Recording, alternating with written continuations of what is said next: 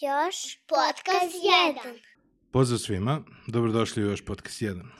Na početku želim da vas zamolim za neki like, share, subscribe, kako biste nam, nam pomogli da ovaj podcast dođe do još većeg broja ljudi, podcast u kojem razgovaram sa zanimljivim ljudima.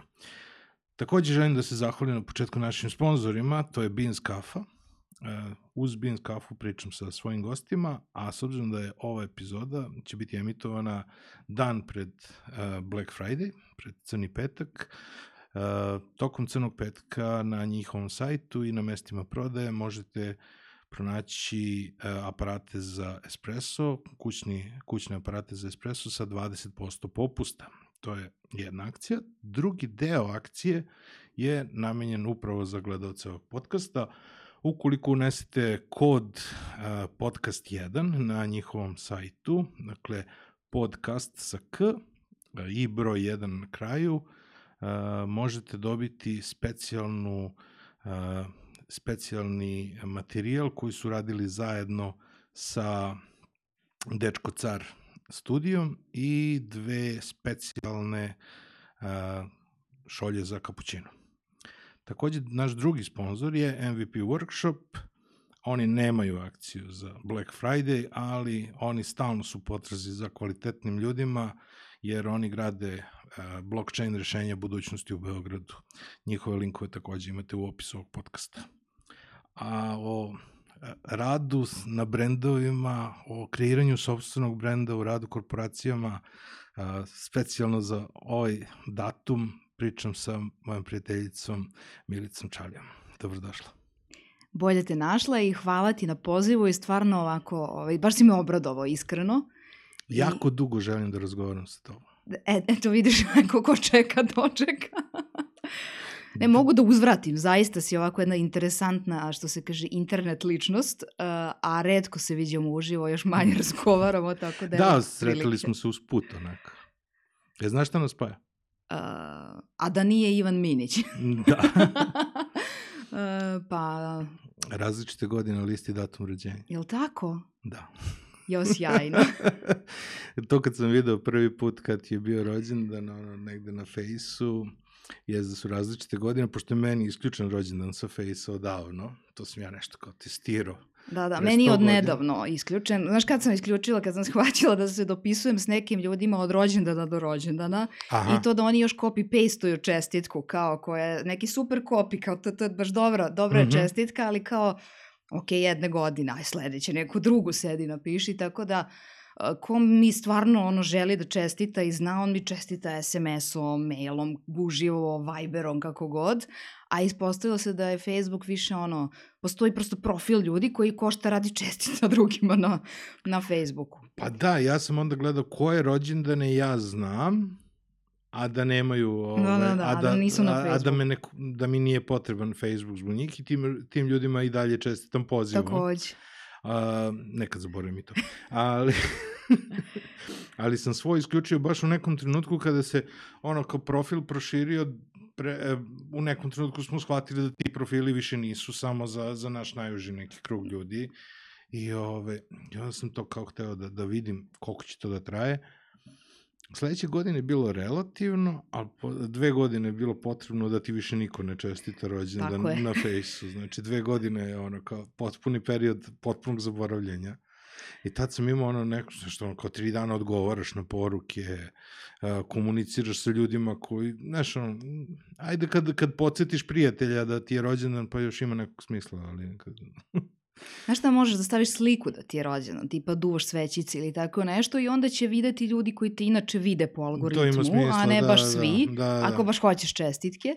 Da, da, i onda kao pište ovde. Da, pa to i onda ti ispod, ispod slike čestite. Da, da. Jer zaista postoje ljudi koji bez ikakvog razmišljanja, prvo što dodaju ljude bez razmišljanja, ja stvarno na Facebooku nemam nikog koga na neki način makar ne poznajem, prosto mm -hmm. i znam ono, iz koje su priče ljudi i znam da su to pravi ljudi, mm -hmm. jel?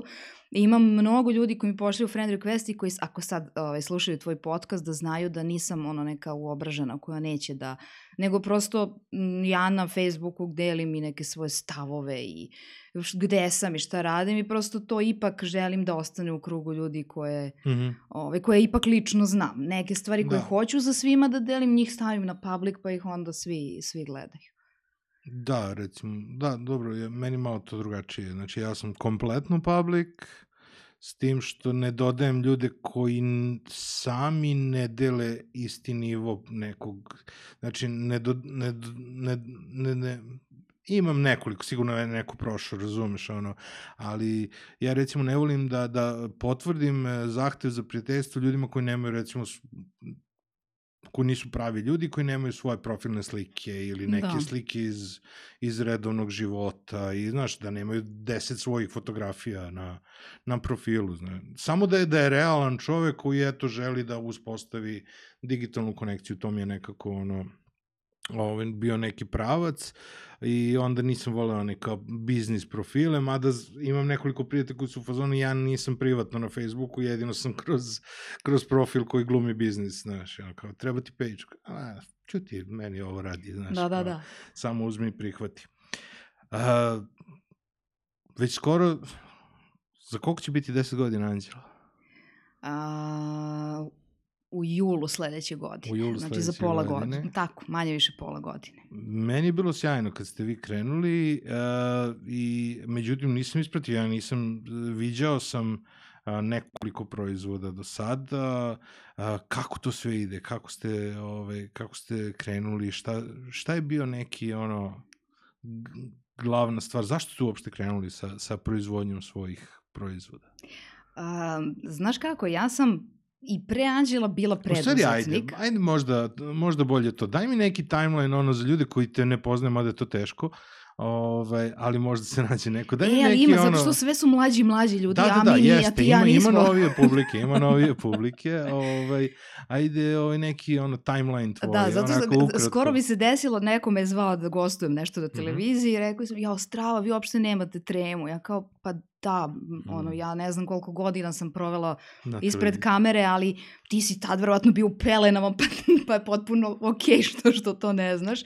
Ove, to je stvarno bilo davno, to je, znaš, ja kad hoću da izbezujem decu, onda im kažem da sam ja starija od interneta, ili da sam to radila na televiziji pre kablovske, znaš, ko, to, to, to ljudi mogu zamisle, kako, ne, kako da misliš nema kablovske, kako gledaš televiziju? Pa znaš, imaš antenu jednu i onda tata nju pomera u zavisnosti od toga šta hoćeš da gledaš, koji kanal, jel, od ne znam, tri koja postoje. Uh, A pa ti da... nisi živjela u unutrašnjosti.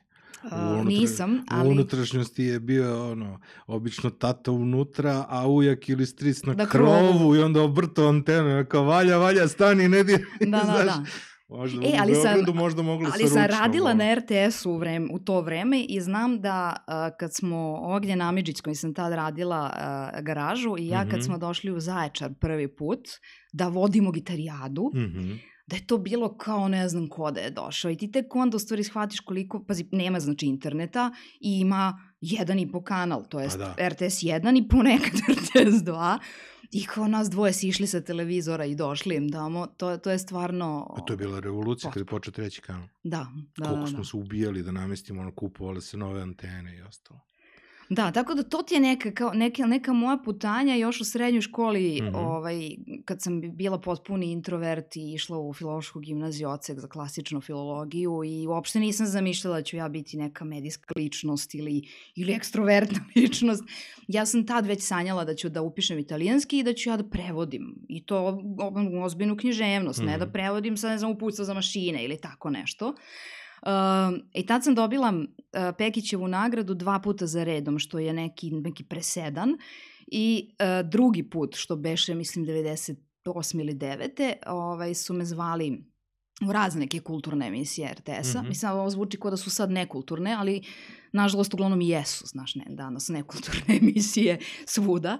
Uh, I tad me je primetila urednica garaže koja me je zvala da tu postanem voditelj, jer je garaža bila emisija za mlade ljude koju su vodili mladi ljudi, kao govorimo A kom je to bilo kanal na prvom? Ona je bila na uh, prvom, pa je onda u jednom trenutku prebačena na drugi, zato što je išla uživo na prvom. Mm -hmm. Pred dnevnik. Dakle, pazi, u to vreme Slobodan Milošić je živi, zdravi na vlasti i onda nam je u neku od emisija došao inspektor Blaža mm -hmm. i kao sad će onda ispriča vic. Mi kao, ajde kao Blažo vic, vic počinje rečima, sedam igra i sloba. I sad se ja vica ne sećam, ali on je naravno da je bio neki ono opozicioni. I to bio poslednji put da je garaža išla uživo. U stvari prvo je potpuno skinuta, pa je vraćena da se snima, ide na nešto na drugom u ponoć, utorkom, na primjer, glupi mhm. neki termin. Ali smo onda bili dobri, pa smo se kao izborili da se vratimo u neki gledani termin. Koliko traje to od vica do toga da budeš dobar? Pa da jednu godinu i po dana i bombardovanje i svašta nešto.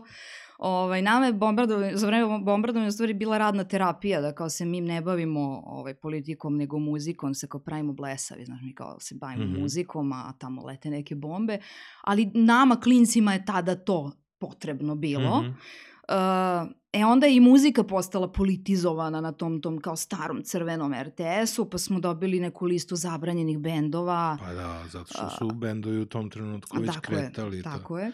Ovaj, onda smo rešili da se uopšte ne bavimo u stvari muzikom, jer kao imaš listu dozvoljenih bendova, što su četiri i po glupa neka benda koji izdaju tad za PGP RTS, nego aj mi ćemo demo bendove, oni su mm -hmm. cool kao i bavimo se stvarima koje mladi hoće da rade i čuju, a niko se ne bavi, tipa droga, seks, znači ne u smislu drogirajte se, nego zašto dolazi do toga i kako da to mhm. izbegnete u životu, jel? Ovaj, I to sve nekako je, ja sam tamo preživela i taj neki 5. oktobar i tu promenu i promena bila super i konačno su krenuli da nas plaćaju za taj naš rad. Uh, tad smo Ognjen i ja počeli svoju neku emisiju da vodimo koja se onda bavila muzikom koju smo mi hteli, zvala mm. se Hot Report. Mm -hmm. uh, Tako da je to bilo neko moje vreme studiranja, ali sam ja i tad i dalje bila ubeđena da je to meni kao prolazni posao. I dan danas kad me neki ljudi pitaju kao, ali ti to lepo radiš, što se ti ne vratiš na televiziju, meni je prosto i tad bilo jasno da se neću time baviti, mm -hmm. kao super što umem, ali htela sam da nešto kao ja trajnije stvaram prosto. Ne znam kako bolje da ti objasnim zašto nemam želju da budem uh, da stvaram nešto što se emituje i prođe prosto. Mada je dan, u današnje vreme drugačije, jer evo, tvoj podcast može da ostane zaovek na internetu, da ga gledaju ljudi Absolut. milijardu puta, tako da razmislit ću možda o internet emisiji ili tako. Pa razmisli, glas ti Saš. Jel tako? da, da, baš ta, ja to zovem bogato š. š e, žene imaju to neko, ja to zovem bogato š. Da, e, ali to sam učila na RTS-u, znaš, imao je hiljadu mana i, i tu recimo vrlinu. Ja sam to vrlinu. prepoznao kod nekih žena, ovaj, naročito kod, kod spikirki, ovaj, koji imaju to, znaš, kod muškarac imaš onaj radijski glas, znaš, mm. koji konstantno vibrira tu, a, ovaj, a kod žena sam provalio to bogato š, znaš, da, da, da. Kada bogato... Vežbali, vežbali smo. Se seća pa, moja prva pojavljivanje na televiziji mm. i ja sam, inače sam imala viši glas, maltene za oktavu još trema radi i to je ono kao svaka, svaka reč ti se završava na gore I, mm -hmm. i, I baš je onako, ovaj, baš sam mnogo napredovala u tom, u tom smislu, jer su me učili ljudi sa, baš sa radija Beograd. Mm -hmm. Tako da ja i dan danas nekad, kao neki ono, ono super lak posao kome uživam i dan danas, nije ove reklame, znaš, uh, da li ti je to nova crna majica? Nije nova, oprana je pervolom. Tako, to sam ti ja. pa, pa te... To sad rekoh brenda, nisam smela. nema veze, nemamo, nemamo konkurentni brend, ali ako brand manager Pervola želi da uplati neki novac. Da, nije nije problem, pa, nećeš odbiti. Ove. Da, dakle, to je televizija koju sam ja doživljavala sve vreme kao neku ovaj, mm -hmm. privremeni angažman, ali me on, um, on me u stvari ubacio u marketing, tako što kao šta je, na, šta je PR u Srbiji? PR je, uh, PR je osoba u Srbiji. Prvo to kao da, da, ovaj, mm da, da definišemo. PR je veština odnosa sa javnošću, mm ali kod nas u Srbiji PR ti je sinonim za osobu koja je tako slatka i ume da se slika, znaš, za, za nema tremu pred kamerom. Tako da sam ja zapravo, kad sam konačno rešila završni fakultet, sam ga razlačila što godinama, shvatila da je PR agencija Meka i Medina za mene, koja to sve umem pred kamerom, a zapravo mi treba neko vreme da sednem i da učim, jer ja i dalje u tom trenutku ubeđena da ću ja da prevodim Petrarku. Uh, jedino što sam prevodila su bila uputstva za mašine i montaža mašina u fabrikama i uh, jako neki dug period od više meseci uzastopno sam provela u Sokoštarku. Oni su u Beogradu mm -hmm. renovirali ceo pogon. Aha. I tu sam u stvari shvatila da niti ću da prevodim Petrarku, tu sam shvatila u stvari da ja ni ne govorim taj italijanski. Znači, to što ja učim na fakultetu, to ovi ljudi, montar, monteri te opreme i ti tehnolozi, oni to ne govore, oni nešto drugo ljudi govore. Kako? Tako da sam s njima i progovorila italijanski. I danas mi se dešava da kad odem u Italiju, da mhm. kao sad će ja pogodi neko odakle sam i pogode, bukvalno gađaju taj region, dakle su ti ljudi s kojima sam ja u fabrici učila jezik. Da, to sam čuo za italijanski. Da, zato što ima da, dosta da, da, dijalekata da, i, tako, ono. a ja ovaj, imam prirodu sluh i onda sam tako pokupila sve od njih. I akcenat i dijalekt i sve. Uh, ali eto, znači nisam, shvatila sam da neću da neću zanima, to raditi. stranci koji dođu u Novi Sad, Beograd i Niš, da li bi njihov ono, srpski zvučao različito? Pa, ja sam sigurna da mm. da bi, da, verovatno. Verovatno. Jer mi, mi možemo da razlikujemo Novosađani na Beograđane da, i da. Nišliju, ali je veliko pitanje kao stranac kada bi došao i kada bi tu negde učio jezik, kako, da li, da. Bi, da li bi mi mogli da provalimo gde je on učio srpski? Verovatno, da. Evo mm. razmišljam sad, mada italijanski ima veće razlike i aha, aha. Ovaj koji govore na televiziji, oni, aha. oni inače imaju u istoriji jezika kao vrlo važan datum ra, kada je raj počeo s emitovanjem, aha. zato što je taj neki književni italijanski koji je u stvari najbliži fiorentinskom, odnosno to je Danteov jezik, uh mhm. -huh. ovaj, on se govori na televiziji i to je njih nekako manje više uravnotežilo, a inače dijalekti su užasno razuđeni. Uh mhm, -huh. E, ali da, dakle, moj, moj prvi preduzetnički poduhvat je bio tad za vreme studiranja, kad sam ja shvatila da ja želim da me ti ljudi legalno angažuju i plate za to što ja prevodim. Kad sam otvorila prevodilačku agenciju kao preduzetnik. Mm -hmm. I ono što mi je super cool kod preduzetništva je što tebi je kad si preduzetnik, PIB ti je vezan sa JMBG-om. I da. ti u stvari taj neki PIB taj moj tadašnji. Da, da, bio ovaj, do skoro. Jel do skoro? Više nije. Da, sad više, se malo razočarala. Sad imaš da, sad sam u fazonu kao da, i kao i zauvek će to biti moj, moj da. piv. Da. Ali, uglavnom, to je bio moj prvi preduznički poduhvat. Ovaj, moj muž pak ima potpuno ono drugačiji neki, ono s potpuno druge strane. Ovaj, njegov, njegov razvojni put je uh, sve suprotno od RTS-a i kao, znaš, da nekom njemu ili meni tad rekao da ćemo biti u braku, vjerojatno bismo umrli od smeha, znaš. Mada ja nikad nisam bila kao neki supporter, ali ko, znaš, radiš na toj televiziji. Mm -hmm. ovaj, dok je on radio na B92 i ja ga nisam poznavala, ali sam svim ljudima s 92-ke zavidela, jer ta sva muzika koja je meni bila strava, a koju nisam smela da puštam, ona je završavala kod njih.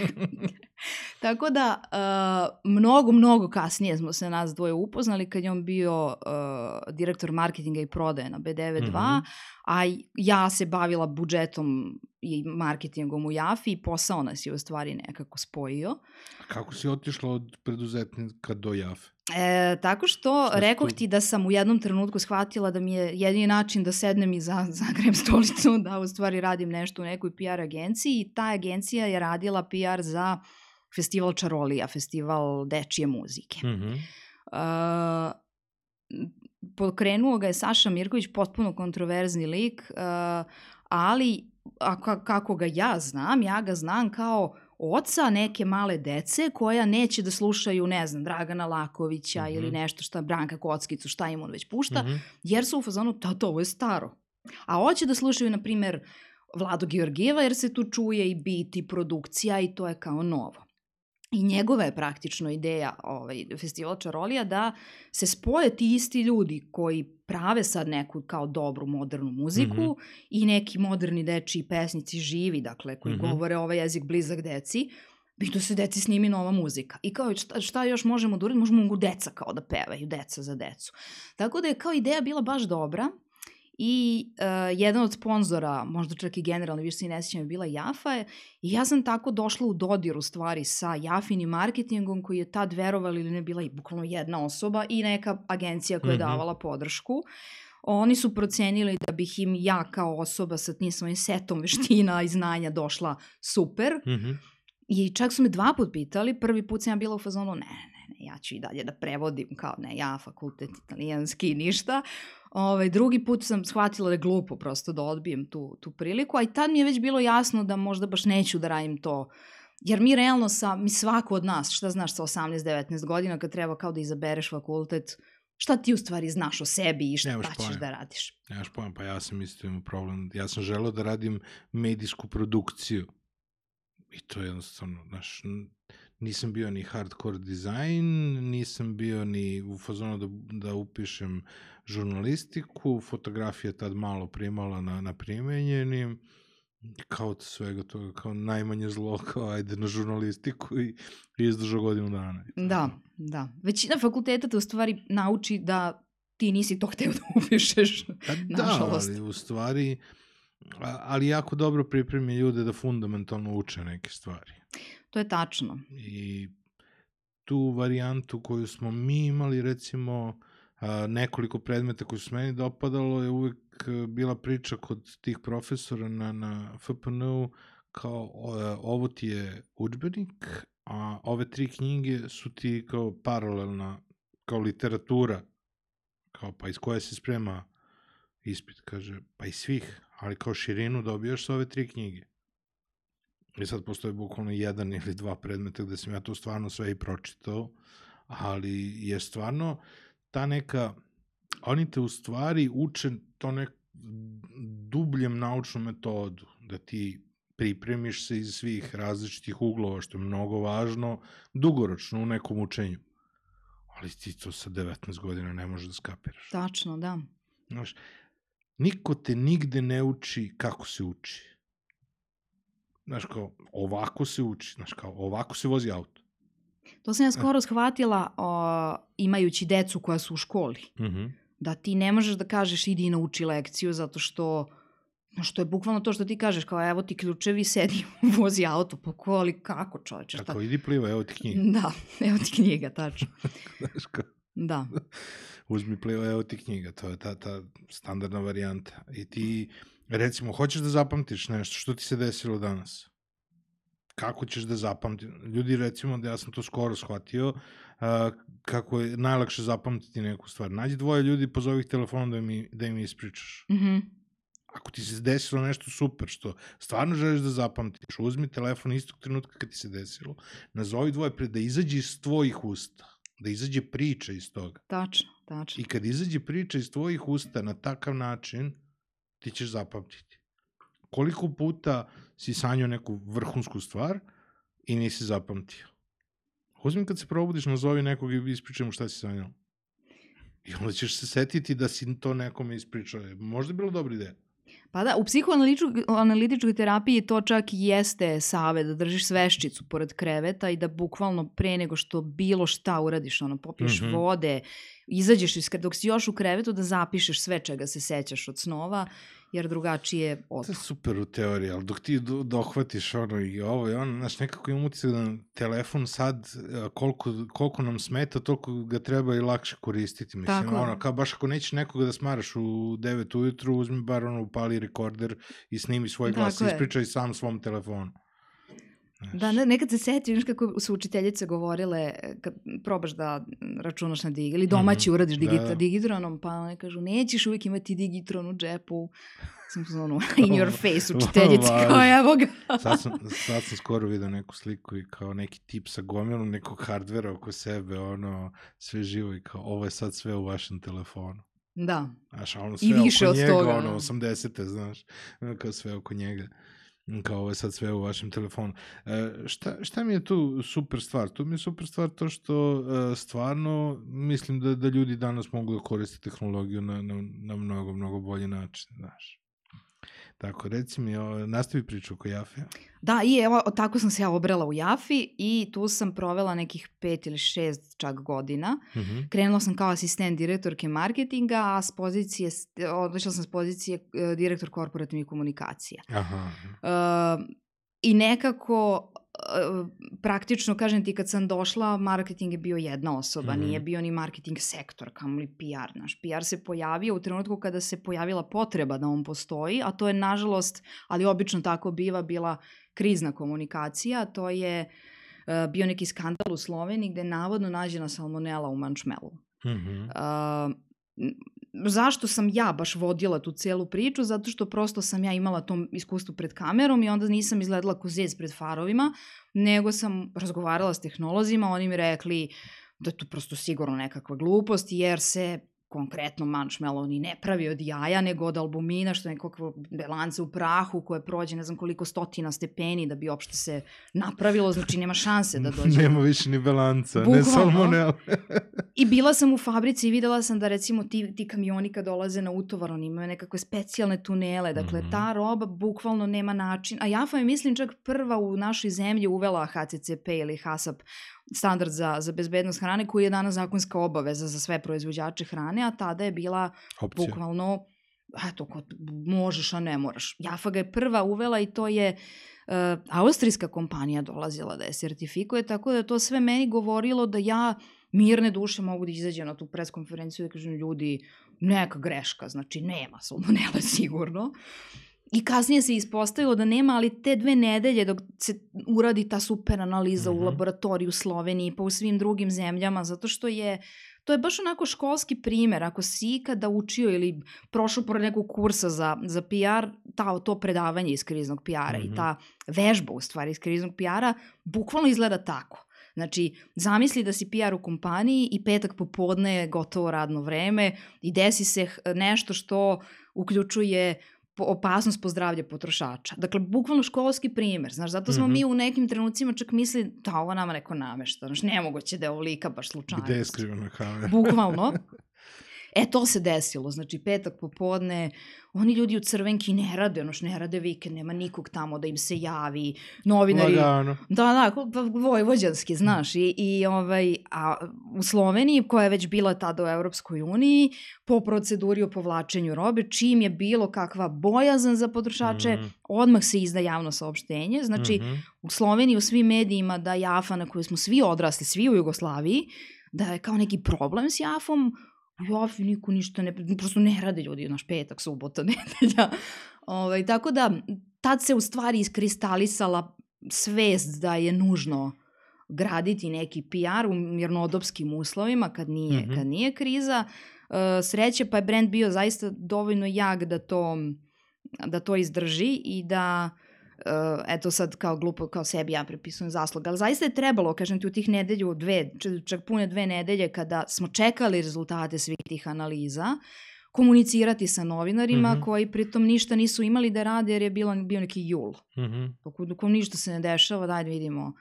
Ovaj, oni su to čak digli na neki nacionalni nivo kao Slovenci smeštaju Srbima nešto, hoće kroz Jafu danas, ne znam ni ja šta. Dobro, oni rade svoj posao, to više da, da. novine. Njihov, njihov posao. Da.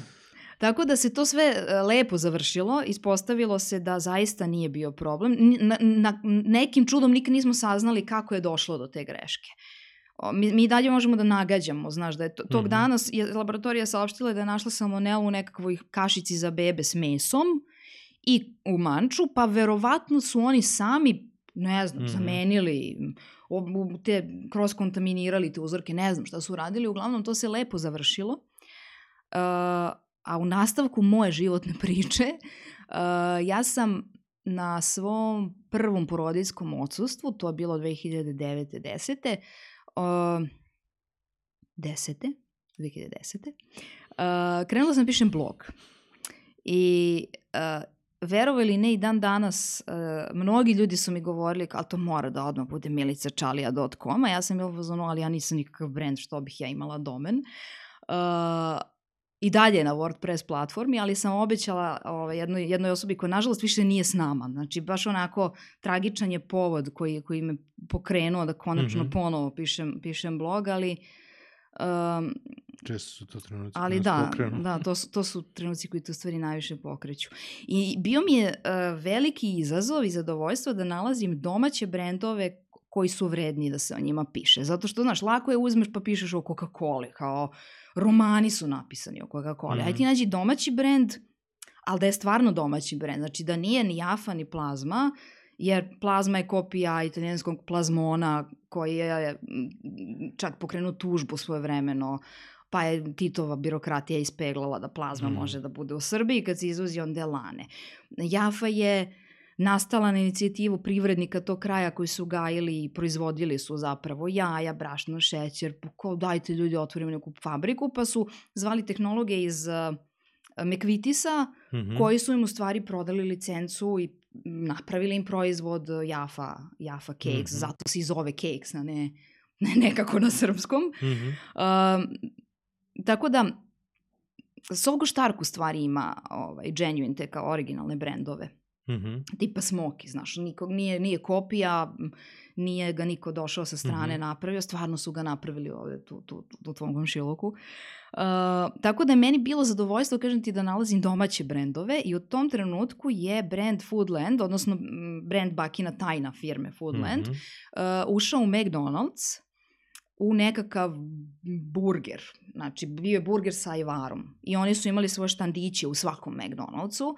Uh, meni je to bilo fascinantno, zato što, pazi, McDonald's svetski brand, mm -hmm. znaju ga ljudi koji, ono, kad vide one zlatne lukove, ne moraju ni da znaju engleski, uopšte znaju, kao da znaju da. šta je to.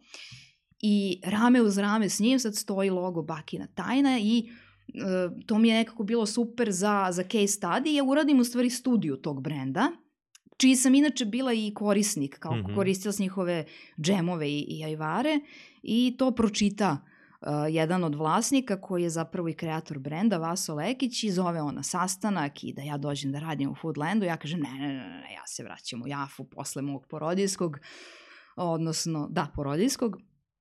Međutim, u Jafi mi nije sačekalo to što sam, što sam očekivala, jer ja nisam još ono, srela kompaniju u Srbiji koja zaista u praksi, ne ono na, na papiru, kao mm -hmm. podržava žene i sve i ravnopravnost i mom force, a onda kad se vratiš s porodiljskog zapravo vidiš da ti je potpuno unazađeno to, ti svi uslovi rada koje si imao.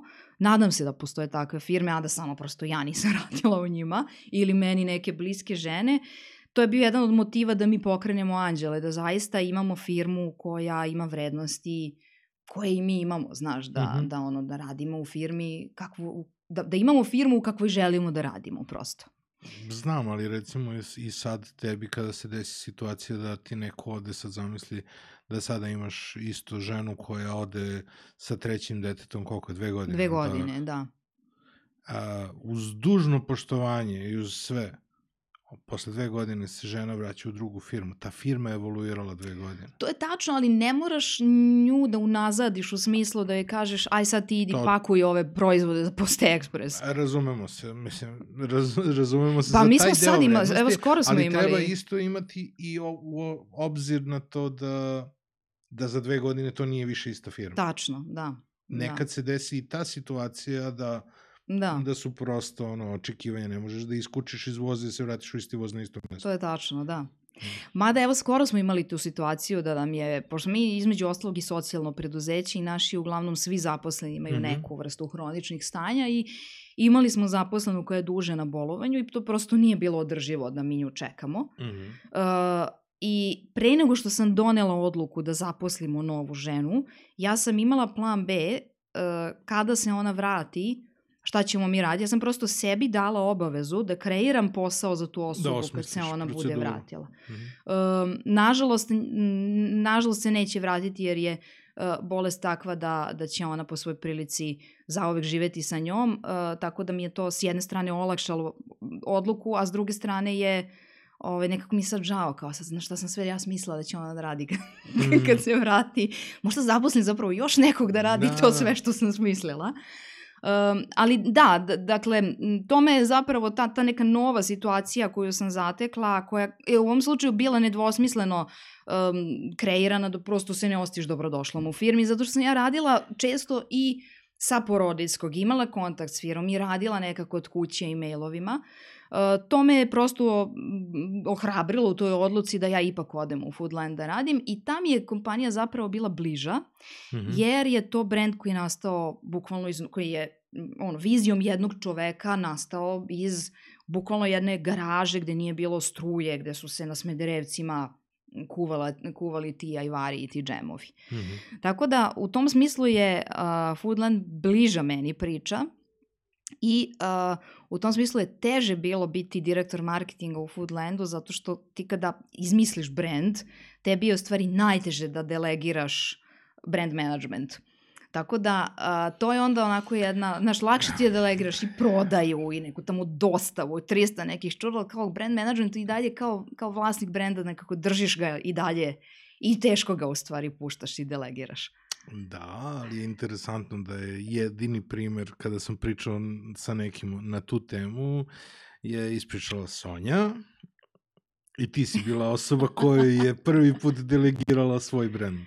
Tako je, da, da, Znaš, da. Je, da Sonja to, to često pominje. Da, ona je to uporedila kao sa, kad prvi put ostavljaš svoje dete u vrtiću, tako da mi je zabavno ti to sad kažeš, a da si ti zapravo jedina osoba koja je ona prvi put ono prelomila situaciju da poveri svoj brend. Da, pa dobro, imala je poverenje u meni i nas dve se družimo i dan danas. Upoznali smo se preko posla, ali smo nastavile mm. da, da se družimo. Uh, ne znam, moraš da, moraš imati poverenje od tog nekog i taj prosto mora da ti pokaže da je stručan da bi mu ti zaista prepustio svoj brend. Ja sam recimo uh, više puta pokušala da delegiram društvene mreže Anđela, mm -hmm. što freelancerima, što agencijama mm -hmm. i to prosto nije nikad bilo dobro. Znači, mm -hmm. jedini put kad je bilo dobro je bilo kad smo shvatili in-house da imamo osobu koja radi kod nas, mm -hmm. a koja je vešta sa Instagramom. I onda kada ti uh, dodatno obučiš osobu koja je vešta s društvenim mrežama, a koja već radi kod tebe i zna vrednosti mm -hmm. i mhm. poznaje proizvod, to je u stvari onda ako me pitate, a niste me pitali za savjet kako se delegira uh, brand, brand prisustvo na, na društvenim mrežama, to je u stvari, mislim, jedini pravi, pravi Neko način. od zaposlenih. Da, to je mislim neko od zaposlenih, to je neko baš u kući. A rekla bih da znam nešto o tome zato što uh, 2009. godine sam na nekoj brand konferenciji u Savo centru pričala o tome kako graditi brand na Facebooku i pola sale, eh, kakvi 80% sale ili više je bilo ubeđeno da mene plaćaju da se ja zezam na Facebooku. Dakle, ljudi uopšte nisu imali svest koliko koliko je važno da ti budeš tu gde su ti kupci. Ako su kupci na Facebooku, moraš biti na Facebooku. Ako su na TikToku, idi na TikTok. I to je ono, kad me pitaju ljudi za savjet, kao, vidim da je TikTok popularan, mhm. kao, da li nam treba? Pa znaš, samo je jedan tačan odgovor, da su ti kupci tamo? Ako mm. jesu, treba ti. Ako nisu, što bi gubio vreme na, na, na to. I došli ste do toga da hoćete napraviti svoj proizvod. Znači, e, vratit ću se na Foodland kasnije, ali uh, rekla si u jednom intervju da su to iskreni proizvodi. Da. Da, da te to vodilo, da, da želiš da, da napraviš iskren proizvod i uh, da, da ste tako krenuli sa anđelima. Znaš šta, pomenula sam već muža, pošto mi smo pola-pola u ovom poslu, a, možda se čovek prosto rodi kao preduzetnik zato što je i on bio taj koji je imao preduzetničke poduhvate mm -hmm. pre, pre Anđela. Uh, on je na B92 ušao onako iz čistih ideala mm -hmm. i prosto to, ta, ta 92 tog vremena je stvarno bio jedan ne samo medijski svetionik koji zapravo je, gde si jedine ni mogao da čuješ nekakve objektivne vesti, nego je bio prosto nekakva ono, iskra razuma i neka veza te Srbije koja je bila kao ono ograđeno galatsko selo, razumeš? Ne znam, sećaš se sigurno izlaznih taksi i onih čekanja za vizu, pa kao kad sledeći dobio si mesec, pa sledeći put i daju na tri, a ti presrećan ko da si dobio ono, a usvoj su u drugom svetskom ratu. Tako da, ta, ta 92 je meni bila, iako sam radila na RTS-u, meni bila stvarno svetionik. Uh, tako mi je bilo i neviđeno kad smo se konačno upoznali, kad sam shvatila koliko mm -hmm. on u stvari tome doprineo. Uh, on je, recimo, njegov prvi preduzetnički poduhvat je bio uh, mreža koloportera, mm -hmm. uh, jer je to bio njegov doprinos da se te neke normalne vesti rašire, dođe do što većeg broja ljudi, tako da su njegovi drugari i on krenuli da raznose borbu. Pa su onda shvatili kao uzmu, ne znam, 100 borbi, sad ću da lupim, borba košta dinar, na primjer. O, krajem 90-ih? Da, da, krajem 90-ih. To je onda naša borba. Da, to je naša borba, Aha. tako je, tako je. I sad kao uzmem 100 borbi, ja njima 100 dinara, a oni kažu, ne, ali 20 je za tebe. Sad lupa, možda su i marke bile, možda su buđoni bili, ne, ne, ne znamo stvarno u čemu. Svašta je bilo Svašta je bilo 90-ih. Sigurno je bio dinar, sad u kojim, nu, da, da, da. nula? A možda su bili marke. Znaš, ono kad Mile protiv tranzicije Aha. kaže Nemci nek menjaju ako hoće, ali mi ne damo Marku jer to je naše. da, da. E, tako da, uh, onda su shvatili da tu možda može i da se živi prosto od tog posla, mm -hmm. ako se on ljudski radi. I um, pa su iz tog koloporterstva ušli u to da su postali distributeri, uvoznici i distributeri za recimo Fisherman's Friend, kao što te bombone, pa ako ja ih volim, niko ih ne uvozi. Aha. I u principu to ti je slična je priča i s anđelima. Mi hoćemo da jedemo zdravi keks, a mhm. nikoga ne pravi, pa ajde mi da ga napravimo. Uh, znam da, da je on meni pričao da još kao klinac on u srednjoj školi vozi se trolom kući i onda razmišlja kako bi bilo cool da ja, ne znam, ko, ko je taj čovek koji je napravio, na primer, sneakers. Kao, zamisli ja da napravim nešto što je kao sneakers. Mm -hmm. Tako da smo oboje imali te iste prosto želje. Imali smo neviđeno iskustvo iz marketinga, u stvari, znaš kako ja sam dugo pričala da svako može da pokrene posao i naša je m, ona, jedina investicija bila tih nekih početnih 300 evra za, ne znam, plehove, a godinama kasnije mi se ja shvatila koliko smo uh, koliko je skuplja u stvari ta investicija, jer smo mi u stvari uneli svoje znanje iz marketinga i prodaje koje smo godinama 10, 15, sticali. 10-15 da. godina iskustva. Da, da, da. Kao, koliko to vredi. Tako da, a, tako je to nastalo. Znaš, kad smo dobili drugo dete, mi smo krenuli da razmišljamo kako mi da zdravije jedemo, jer, znaš, danas sutra deca će gledaju što ti jedeš, a pa nismo baš najzdravije na svijetu, jeli, da se mm. ne lažemo. Uh, I tako smo kao, ajde probamo ovsenu kašu, kao, ali ovo je bljutavo, znaš, nešto nam se ne sviđa. Pa smo krenuli neke barove da pravimo. Naš, mm -hmm. u stvari, prvi proizvod bi bio, Pro, Proto Anđeli su bar. Mi smo se kasnije vratili barovima, ali... On je hteo sneakers. Ostaje da, pre pa da. tome. Da, kao ne mrda, da, ne odstupa. Uh, pitali su neki prijatelji, kao, ovo je strava, aj kao umesi nama pleh, pa nam prodaj. I tako smo stvari došli na ideju da ako mm -hmm. hoćemo mi da jedemo i naši prijatelji, sigurno još neko postoji u ovoj zemlji ko hoće da jede zdravo, a da mu ne bude bljutavo, jel? Tako da... Uh... Uf, ali to je dalek put odatle. Od toga hoćemo mi i naši prijatelji dok prođeš kroz sve i, i ambalaže i da. sertifikaciju i... A opet to je svo to prethodno znanje. Znaš, mi smo dugo, dok smo još kako smo tek krenuli sa anđelima, bukvalno ih prodavali u, u belim kutijama poslastičarskim mm -hmm. i na kojima sam ja rukom pisala šta su. I uh, razlog što bela je... za sitne kolače za slavu. Da, mm. da. Razlog što sam to radila je što sam prethodna, u prethodnim firmama imala iskustvo da primjera radi Uh, znaš, mi se zovemo Foodland, brand je bakina tajna, a i ovaj logo Foodland je nešto bez veze, sklepo nam ga mali od komšije koji je nešto se loži da je dizajner. Znači, to, to je baš pogrešno da nemaš baš jasnu sliku šta hoćeš da postigneš, uh mhm. -huh. a da ti mali od komšije nekakav logo napravi i ti onda posle se si zarobljen s tim logom, onda te jako mnogo vremena i para košta da se rebrandiraš o stvari. Mm. Tako da smo mi hteli da budemo sigurni da to hoćemo mm -hmm. prvo da radimo, da uh, možemo to da radimo i da baš jasno znamo kuda idemo. Mm -hmm. I uh, imali smo neke prethodne kontakte u raznim nekim agencijama i poslali smo brief ljudima za koje smo mislili da će da shvate našu priču.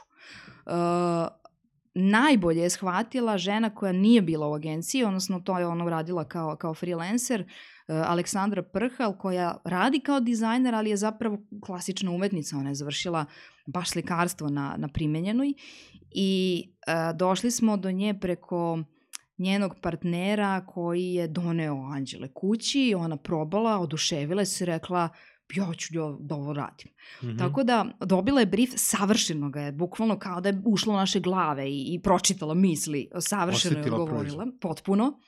I dan danas radimo sa Aleksandrom i sve ovo što novo izbacimo kad ljudi pogledaju tu ambalažu i kažu ah, kako ovo lepo, ko vam je to radio? I dalje, i dalje je to ista ta Aleksandra, znači uvek je isto to.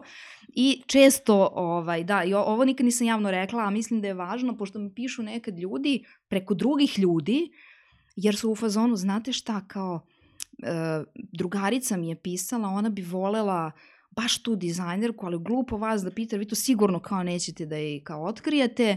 Uh, ja baš hoću da otkrijem, mi nju često tagujemo na, na društvenim mrežama, mm -hmm. zato što je ona od onih pismenih dizajnera, dakle ona, mm -hmm. ti dođeš i kažeš meni se sviđa vaš rad, a moj brend je takav i takav. Ona ti neće kopirati anđele. Neće, da. A bilo je vrlo pismenih, ovaj, poznatih dizajnera koji su radili kopije anđela za neke druge brendove i to onda nekako i smešno i tužno isto vreme, ali za nju sam sigurna da prosto ima dovoljno dizajnerskog znanja da će da skapira taj neki mm -hmm. drugi brend i da stvarno da svoj maksimum u potpuno nekom drugom svetlu. Tako da pitajte slobodno ako hoćete mm, dobar prosto, dizajn. prosto postoji, postoje dizajneri Uh, postoje dizajneri koji imaju senzibilitet kao određenom tipu proizvoda. Tako je.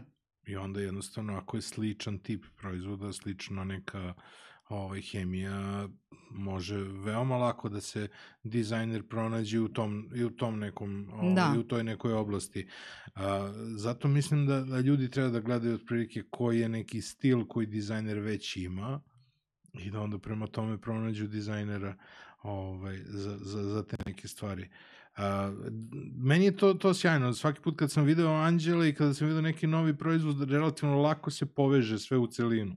Svi se nekako ove, nastavljaju jedni, jedni na druge. A da ona je pritom imala baš težak zadatak zato što smo mi dugo bili samo online. Uh mhm. -huh. Znači ti, ti kad si samo online ti bukvalno ono vrištiš, moraš da vrištiš da bi te čuli. Uh -huh. Dakle, mhm. taj dizajn mora zapravo da bude uh, pre mora da bude previše, znaš, mora da bude too much, kao -hmm. sve, sve što ti vidiš na ekranu nije zapravo isto kao nešto što je dizajn za retail, za nekakvu policu, za nešto. Tako mm -hmm. da ona je uspela prosto da shvati i da jednog dana želimo da imamo radnju i da taj dizajn treba da se aplicira na tu radnju jednog dana. Mm -hmm sve to nekako ovaj, jeste jedna celina, a uopšte nije lak zadatak. Posebno nije s nama lako raditi, iako mi umemo da artikulišemo svoje mm -hmm. misli, zato što mi imamo milion ideja, prosto e, nije lako pratiti nas u tom mhm. smislu mm -hmm. je, je težak zadatak. Da, jer tu je potrebno zapravo napraviti brand stil, a onda dizajn da. od,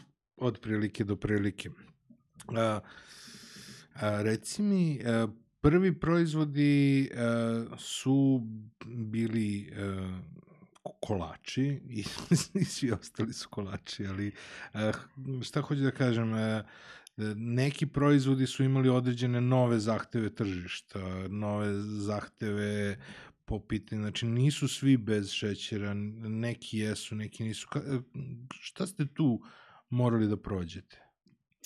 Pa znaš, mi, mi učimo u stvari od potrošača i sa njima i koliko smo mi njih mhm. edukovali, toliko su i oni nas, zato što uh, lako je danas praviti zdrav proizvod uh, kada već postoji svest o tome, mm -hmm.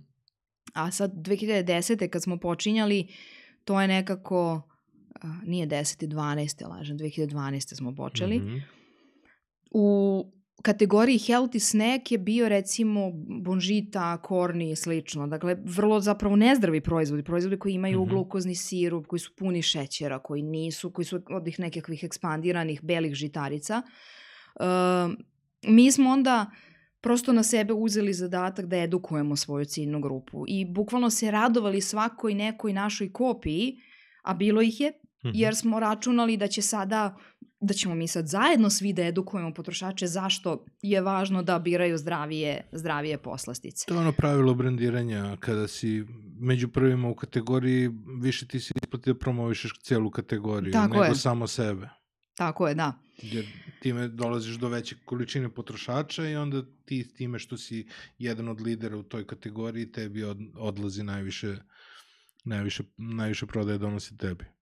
E sad, umeđu vremenu se podigla i svest potrošača mm -hmm. i a, širi se broj proizvoda koji su dostupni kod nas. Mm -hmm. ne, ne proizvode se i dalje toliko kod nas, mada ima i, i novih malih proizvođača koji prave nekakve uh, sirove barove, nekakve voćne štanglice i slične stvari, ali mnogo više uvoznih proizvoda koji prosto sad nama nameću nekakve, nekakve standarde i koje našim potrošačima govore, e, znaš šta, može i ovako, ne mora da ima šećer, vidi kako je ovo ukusno, a nema šećer. Ono što je nama kao ne, ostalo kao neki postulat, da nećemo ništa veštačko da stavljamo. Znači, postoje mhm. nekakve razne zamene za šećer, mi smo rešili da nemamo zamenu za šećer, nego da prosto imamo sirovine koje daju slast proizvodu i da to sve zajedno bude, bude slatko. Dakle, u ovim svim novim anđelima i ekstra barovima je urma obavezna sirovina i ona mm -hmm. u stvari daje slatkoću. A budući da su urme našli i u onim urnama od faraona, onda nekako može se reći da je proizvod koji je prošao test vremena i da je tradicionalan. I stvarno jeste super proizvod, on je stvarno bogat i vlaknima i gvožđem i magnezijom, stvarno je dobar. Mm -hmm. uh, E sad, um, ono što nismo uspeli ovde da nađemo, to je tečni inulin koji se pravi iz korena cikorije i koji mi uvozimo. Mm -hmm. uh, on nam daje mogućnost, odnosno on daje mogućnost e, ljudima koji imaju diabetes da jedu anđele, jer Aha. on spusti glikemijski indeks cijelom proizvodu. I nekako je sad, sad nam je ta paleta onako potpuno zaokružena. Znači, krenuli smo od proizvoda koji je imao ovsene pahuljice i bio je prirodan, mm -hmm. ali je imao i šećer i brašno i jaja i puter i to je nama strava tada bilo sve.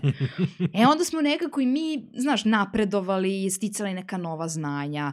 Shvatili smo da može bez jaja zato što te kokoške koje uzgajaju ta jaja uglavnom provedu ceo svoj životni vek na formatu A4 papira i onda je to nekako baš patnja i za krave i za kokoške i za sve, za sve u tom lancu.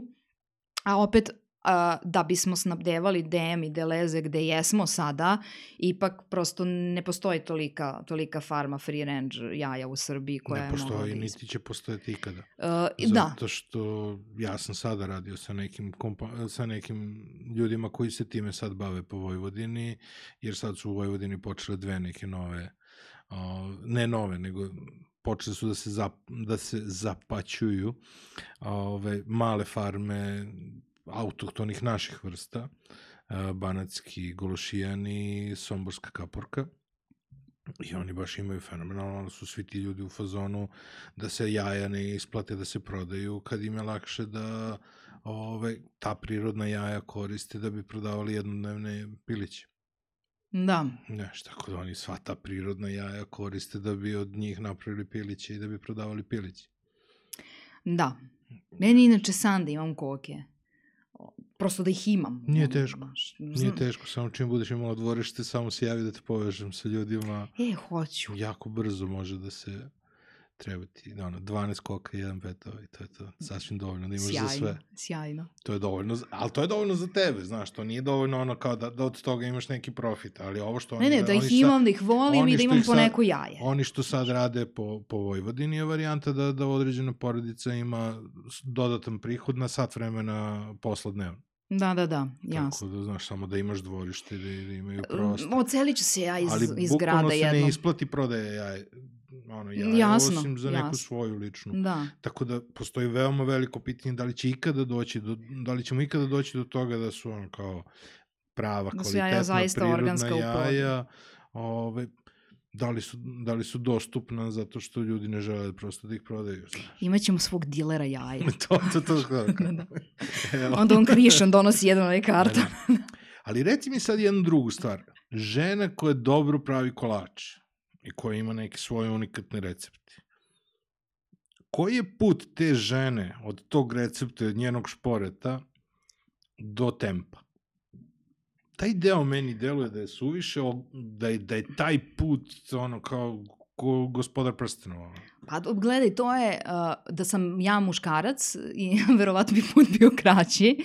Sad šalu na stranu, imam jednu drugaricu u Hrvatskoj koja me stalno podstiče da se razvijamo brže nego što uh, meni senzibilitet i, i životne prilike dozvoljavaju. Uh, mogli smo mi to sve i brže, mogli smo da uzmemo neki startup kredit ili tako nešto, ali uh, mi smo Anđele pokrenuli u trenutku kada se rodilo drugo dete. Mm -hmm. dve godine kasnije smo dobili još jedno treće dete i nekako smo hteli da budemo tu dok su oni mali i da budemo jedno s drugim i da budemo sa njima.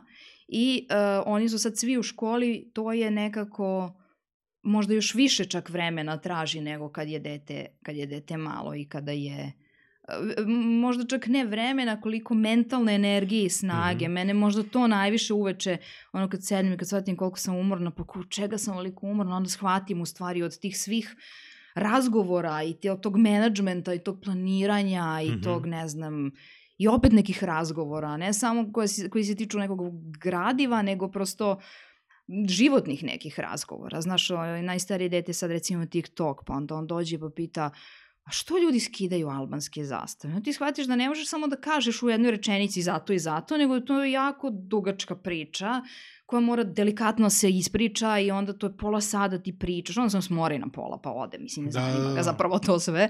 Samo... Ali, ali odgovorimo u minut. Da, da, ali odgovorimo da u minut. U jedan da, da, ne, ne smaraj me. Ove, ovaj, tako da, uh, a živim u takvu jednom izazovnom prostoru, prosto Balkan je uvek bio, znaš što kaže Bajaga svakih 50 leta izbije rat i onda ti moraš, prosto mi moramo imati odgovornost da svoju decu odgovorno vaspitamo, da probamo da neka sledeća mm -hmm. generacija ne doživi rat, jer ja ne znam da li ima neka unazad od kad pamtimo da je prošla bez rata, mislim da nema. To je jako slabo. Tako da, ajde kao da probamo da ova naša sad deca, da ona probaju da nemaju rat, ali da ga nemaju ovde, a ne da odu negde da žive, da ne mhm. bi doživeli rat. To mi je nekako možda ovaj, jedan od, od glavnih ciljeva Ali i kao preduzetnik ti možeš, bez obzira što imaš puno više obaveza, opet sam organizuješ te obaveze. Tako je. Da, to u stvari pitao si put od, od Rerne do Tempa. Znači, taj put je zbog toga što smo hteli da imamo svoje vreme za sebe i za decu, bio, bio dug I takođe smo, uh, nismo, nismo se lako upuštali u kredite. To je, mislim, možda moja, moja mo, ono, možda i greška, ne znam, sad neki tamo finansijski menadžer koji gleda će sigurno reći da je greška, zato što je kredit investicija. Uh, ali sam ja... Uh, svako, svako zna da bude tuđi trener. Naravno, da. Po, pomenuli smo više puta Foodland. Uh, Foodland je imao tri vlasnika.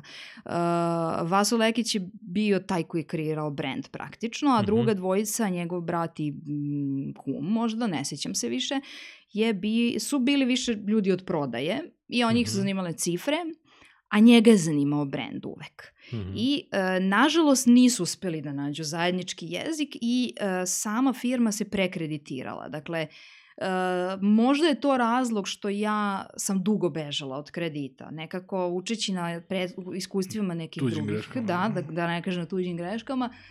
Mada ako mene sad on pita, a ne pita me, mada se ponekad srećemo, ja mislim da, da je ovde gde je sad u tom malom biznisu srećniji nego u Foodlandu, ovaj, i da, da bolje ostvaruje neku tu svoju životnu misiju tog mm -hmm. nekog lokal, lokalnog bavljenja hranom. Uh, uglavnom, uh, nisam htela da, da prosto jednog dana se mi prodamo Atlanti grupi zbog kredita, ali uh, smo hteli da rastemo i onda smo odabrali da idemo tim bebećim koracima. Mm -hmm. uh, mislim da je glavna stvar u stvari edukacija, da ti ako ne znaš sam, kao što slučajno mi znamo jer smo uh, radili to u, u, u velikim sistemima, Uh, ja se u stvari više i oslanjam u tom, toj nekoj finansijskoj projekciji na muža zato što se on baš, on je završio MBA i više se bavi financijama i on prosto voli matematiku, mm -hmm. znaš, on je on je deo detinstva proveo u Rusiji jer mu je tata radio diplomatiji i onda je u ruskoj školi bio najbolji matematičar, znaš, to je to je stvarno heavy. Tako okay. da, uh, um, nismo, dakle, oprezno smo kao gradili taj put ka, ka Delezeu, ali ako ne znaš sam to da uradiš, onda vrlo lako možeš da nađeš neko ko je prošao taj put. Mi smo, mi smo čak i, i pre pandemije krenuli neku seriju predavanja za mala preduzeća koja su spremna da naprave taj sledeći korak. To me interesuje, znaš, zato što imam utisak da, da kao prvi korak je da to ne bude verovatno tvoj šporet, nego da bude neka ono, hasap, eh, hasap kako pekara, pekarica. Da, šta god. Poslastičarnica da. sa, sa, po nekim standardima. Šta su recimo stvari koje su neverovatne u tom procesu? Uh, Baš onako hands on. Da, da, ali to je opet, znaš... Uh, Prvo moraš često, da ga napraviš. Da? Često ti nađeš na kupujem, prodajem maltene novu opremu, mm -hmm. baš zato što su ljudi bili u ovaj pe, ova peć, ona možda izbaci dve tone nedeljno ali ti moraš da prodaš te dve tone. Znači, ne treba ti u početku peć za dve tone, treba ti mm -hmm. peć za, mhm. ne znam, 200 kila i da ti prodaš svih 200 kila. I da kad prodaš svih 200 i kad mm -hmm. vidiš da ne stižeš, prosto potražnja je veća, onda razmišljaš da kupiš sledeću peć od, ne znam, za 500 kila, na primer. Mm -hmm. Ove, dakle, da se ne, ne zalećemo da kupujemo opremu koja će nam možda zapravo trebati u petoj godini poslovanja, mm -hmm. ona nam je prosto nije neophodna u prvoj godini poslovanja. Mm -hmm. Um, onda dalje, i to tržište, če, često ljudi uh, govore mitove u listavanju u velike lance, pa kažu, ali uh, prvo punjenje ti je besplatno.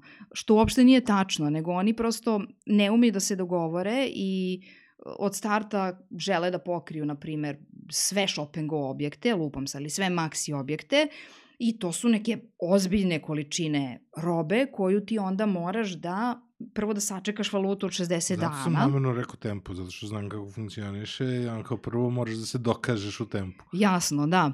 Ovaj, dakle, da preživiš valutu od 60 dana. U toku tih 60 dana stići će nova nekakva mhm. trebovanja. Uh, ti onda uh, moraš da finansiraš i te nove isporuke, a onda ti se naplati listing fee koji ti možeš da kažeš pa dobro odbijte mi sad ovih mojih faktura i da onda, da onda ako ne razumeš kako stvari funkcionišu kažeš ja sam dao džabe prvo punjenje nisam ga nikad nisam ga nikad naplatio. Mnogo je bolje ući u manji broj objekata jer je mhm. listing fee manji jer se naplaćuje po broju objekata mm -hmm. i tu kad se što ti kažeš dokažeš ti onda lako možeš da napraviš plan kako ćeš dalje da rasteš kroz, kroz dalje. S tim što, na što je igranka koja nestaje, ti ne možeš da, da kad uđeš u tempo da kažeš ja sam sad završio. Ne, ti si tek počeo onda, jer ti tek onda moraš da se baviš promocijom svog proizvoda, pošto to tempom neće raditi, jel? oni će se baviti promocijom svojih tih 365 eh, i premije, kako im se mm -hmm. već mhm. zovu njihovi private labelovi. Tako da je to jedan konstantan rad, mm -hmm Uh, bukvalno ono kao kad veslaš, pa kad pustiš vesla ti krećeš da ideš unazad. Moraš prosto stalno da veslaš uh, i moraš da se dobro, dobro spremiš. I ono što ja vidim kad radim consulting sa malim nekim preduzećima, uh, jako često ne postave cenu dobro, zato što kreću od toga ja pravim u rerni, ovo su moji troškovi, hoću da mi ostane toliko mesečno i to je, to je cena. Jer nisu svesni da će jednog dana sigurno ući u PDV da će jednog dana, ne znam, morati da imaju logističke troškove, da će imati povrat pred istek roka i te sve stvari ti moraš da prosto uračunaš u cenu još i u tim početnim fazama, da bi onda kad dođeš u tempo i kad ponuš taj svoj proizvod sa tom mm -hmm. cenom, on imao neku računicu i da ti stvarno i u saradnji sa lancima zarađuješ, a ne da ti radiš za njih. A, Kada si pričala na TED-u, onda si pričala kako ti je korporativni život bio rat race i kako si želela da napraviš nešto svoje kako bi mogla da stvarno praviš nešto u šta veruješ i ostalo. Međutim, to sam video iz svih tvojih novijih, da kažemo, gostovanja, da si počela da poštuješ taj rat race, koliko te u stvari naučio. Uh, A, šta si sve naučila iz korporativnog a, dobro što si mogla primjeniš na anđelima, a posle ćemo šta, šta je bilo loše, što Gledaj, nikako Poštojem nisi... ja njega uvek, znaš, Aha. i čak sam ga zvala Red Race dok sam radila u firmi, ja sam ovaj, od svog kuma dobila neki set bedževa, uh mhm. -huh. koje onda ono iz Amerike, gde je u stvari izmišljen termin Red Race i oni su, on, oni su vrhunski pacovi u toj, u toj trci, uh, pa mi, znaš, kao doneo mi je te bedževe, tipa, ne znam, vrhunski pacovi ili već, Aha. više se i ne sećam. Znači, mi smo se i tad zezali na tu temu i bili smo potpuno svesni, smo vazili da smo bili srećni pacovi, jer je to nekako odgovaralo tadašnjem našem tempu života. Zato što ti kad si u tim kasnim 20-im, tebi je potpuno okej okay da radiš ceo dan. Jer ko šta bi inače radio? Znaš, nemaš decu kod kuće. Mi smo, tad, tad sam živela, živela sama I, znaš, kao, ti sačekaš to, baš ti je super da zaglaviš na poslu, zato što onda kao uveč izađeš, ne znam, na piće ili na nešto i prosto ti odgovara ta vrsta života tada. I obično se kod žene to, taj, taj ceo fokus promeni kada postane majka i onda shvati da prosto sad mora drugačije da, mm -hmm. da rasporedi to, to svoje vreme. Um, E sad, znači, mogu ti kažem, ja sam blizanac, ja ću ti u istom rečenici reći i da korporacija bez veze ide super i jeste i bez veze i super. Znači, zašto je super? Zato što dešava mi se recimo da dobijam od nekih mladih ljudi koji pokreću neke, ne znam, inicijative ili hoće, ne znam, da naplate svoje profile na Instagramu ili takve stvari, razne stvari kod nas stižu svakodnevno uh mhm. -huh. i ti vidiš da većina jako mladih ljudi ne ume da sastavi mail. Oni ne znaju da komuniciraju, oni nisu nigde naučili kako se piše mail. Mislim, ako neki nastavnik sad sluša, uh mhm. -huh. mogao bi on to da ih nauči recimo. Ja sam jednom prilikom me pozvala jedna profesorka nekog preduzetništva u nekoj školi da govorim o preduzetništvu, zato što je shvatila da je gradivo toliko dosadno i njoj, a ne deci, da prosto niko neće postati preduzetnik tako što uči iz knjiga nekakvu mm. šturu, šturu birokratiju. E, takvih nastavnika bi trebalo da je više. Znači, da, da, da nekako stvarno učet nekim životnim stvarima. Deco, na primjer, kako se piše mail. Uh, da se ne odgovara kad si ljut na mail, na primjer. Da, sve što staviš na internet, to, to zaovek to ostane sam, tu. To ne mora samo srednjoškolcima. Jasno, da, upravo si. Treba ponaviti svijema. Uh, da ne, nije, nije istina sve što vidiš na internetu. Znaš, to, to, mislim da to treba bude predmet u školama. Kao kako mm. gledati šta nije istina na internetu. Kako ne verovati svemu što vidiš na društvenim mrežama. Znaš, to, to je baš jako važna jedna veština. Kako je sasvim u redu da imamo različite mišljenje. I to, da. I da, da se poštujemo i da, da svako kaže svoje mišljenje. Nije svako mišljenje činjenica. Naravno, da. Ali sa, sasvim je okej okay da imamo različito. I da jednostavno saslušamo mišljenje i da nismo u fazonu sad Ja, da, sam, ja i... sam neko ko će tebe da prosvetli i ko će tebi da promeni mišljenje. I da ne doživljamo lično ako ne misli Absolut. neko isto kao mi, tačno. To je on meni ono sjajno, to sam vidio isto na netu, nekom mimu, kao šestica, kada bi ovde bila između nas i to se čak se i razmišljam da oštampam na, na, ovaj, na stolu. Aha, da, i ja vidim šest, ti vidiš devet, da. Apsolutno. I oboje smo u pravu. Oboje smo u pravu. Da. Tako da to sve naučiš nekako u pa da. korporaciji. Da. Naučiš, meni je recimo, uh, ja sam uvek davala 100% sebe i uvek sam sa emocijama radila. Ja kad vidim kopiju Jafe, ja se živa pokidam ko da sam je ja napravila. Tako da sam na Jafi ja u stvari vežbala tu hladokrvnost i onda kad je došla prva kopija Anđela, tu se moj muž živ pokidao, a ja sam bila fazon, ne, ne, been there, done that, sad ću ja tebi dobiti. To, to je forma laskanja kad te neko kopira i uvek možda podneseš ovaj neku vrstu pravne, pravne prijave ili tužbe ili nešto što je Jafa i radila i uvek su zapravo prolazila jer je uvek imala zaštićen žig. Mm -hmm. Tako smo i mi. Jedna od prvih stvari koje smo uradili je zaštitili smo žig anđeli u različitim sferama poslovanja. To je nešto što sam recimo imala prilike da naučim u, u korporaciji.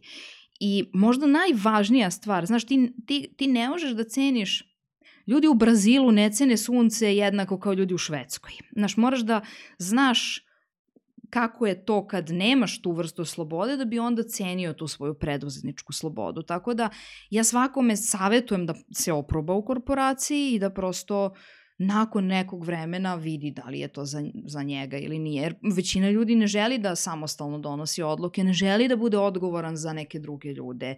M moja odgovornost sada nisam više samo ja nego i neki zaposleni, i mhm. njihove plate, i njihove porodice, čoveče, to je, to je užasna odgovornost. I ne mogu svi da je podnesu.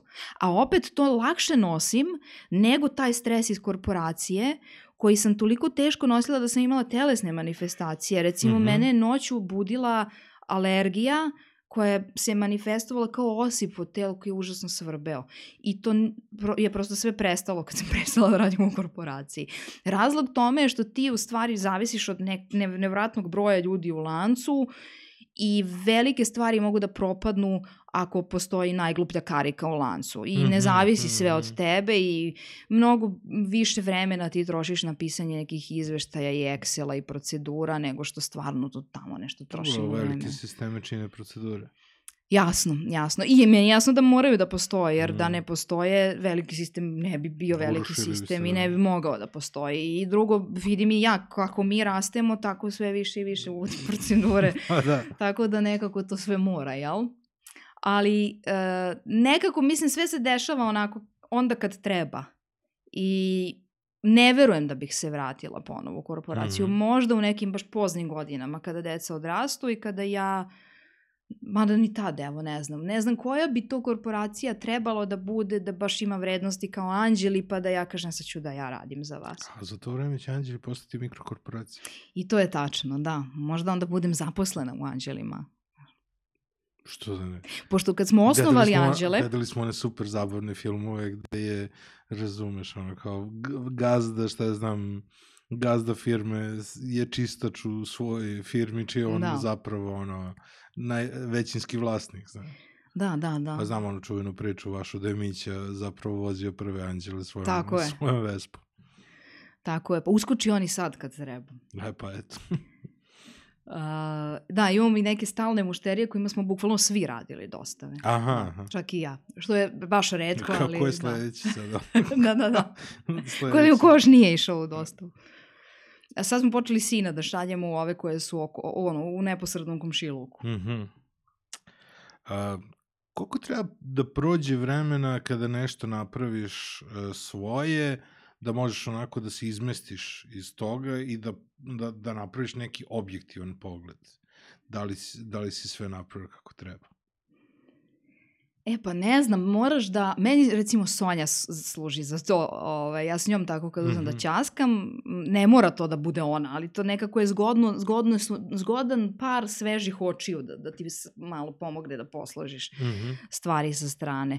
Um, nekako vidiš po rezultatima da je to dobro i nije loše da se stalno preispituješ, znaš, da te neke svoje osnovne vrednosti uh, preispituješ i da osnovnu kalkulaciju preispituješ. Znači, da li to što si to, postavio... To, ali koliko treba da pustiš onako, ajde da testiramo, ajde vidimo koliko ovo, znaš, kao, koji je neki, neki, neki dobri trenuci u svemu ovom što si videla i u korporativnom svom životu i u ovom privatnom, ovaj, odnosno sobstvenom koliki je taj neki period da nešto kao napraviš i kao, sad, znaš, ono čujeno kao, ajde vidimo kao da li radi, kao koliko je to, koliko je to vremena. E, za neke stvari je pola godine, godinu. Kad ste, kad ste, sa, ono, kad za neke, ste skapirali za, za neke odmah da, da vidiš. Da, da radi? Uh, pa, uh, ja volim da kažem kad je poručila preko Facebooka prva nepoznata osoba. Znači, dotle su bili naši neki prijatelji, druga, da, friends and family. E, ovo je bila neka nepoznata osoba mm -hmm. i mhm. kao nas dvoje oboje trljamo oči. Kao, ti znaš nju, ne, ili ti znaš nju, ja ne znam. Mm -hmm. Žene poručila preko,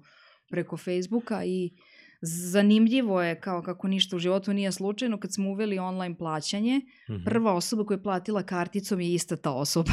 aha, aha. Pošto je on, ostala, je, ostala je verna anđelima. Aha. A za neke stvari, ja tek sad Pazi, uh, ja sam kao dete svirala violinu i to je bila neopisiva patnja, zato što nikad nisam želela da je sviram, nego su me kao apsolutnog sluhistu gurnuli i terali da je vežbam.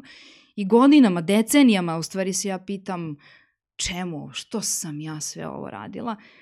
I nedavno, bukvalno pre dve nedelje, znači za to je trebalo da prođe 30 godina mm -hmm. da ja dobijem odgovor za čemu sve to. Uh, krenula sam na bas, na bas gitaru.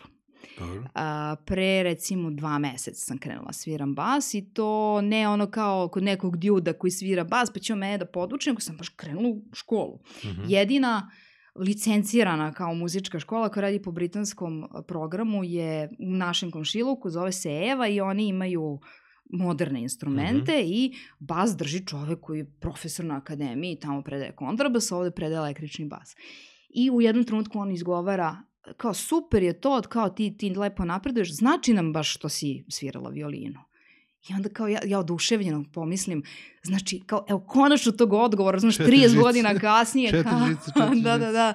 Čemu ja, u jeste, stvari sve? Bravo, četiri žice, jedan jeste, i drugi. Pa. četiri žice. Četiri žice, s tim što je baš, baš lakši, jer to se stručno kaže temperirano, odnosno ima nacrtane pragove. Aha. A violina nema, pa stvarno moraš na sluh da je, da je sviraš. Uh, ali ti stalno si u tom nekoj potrazi za tim nekim ekstra učenjima.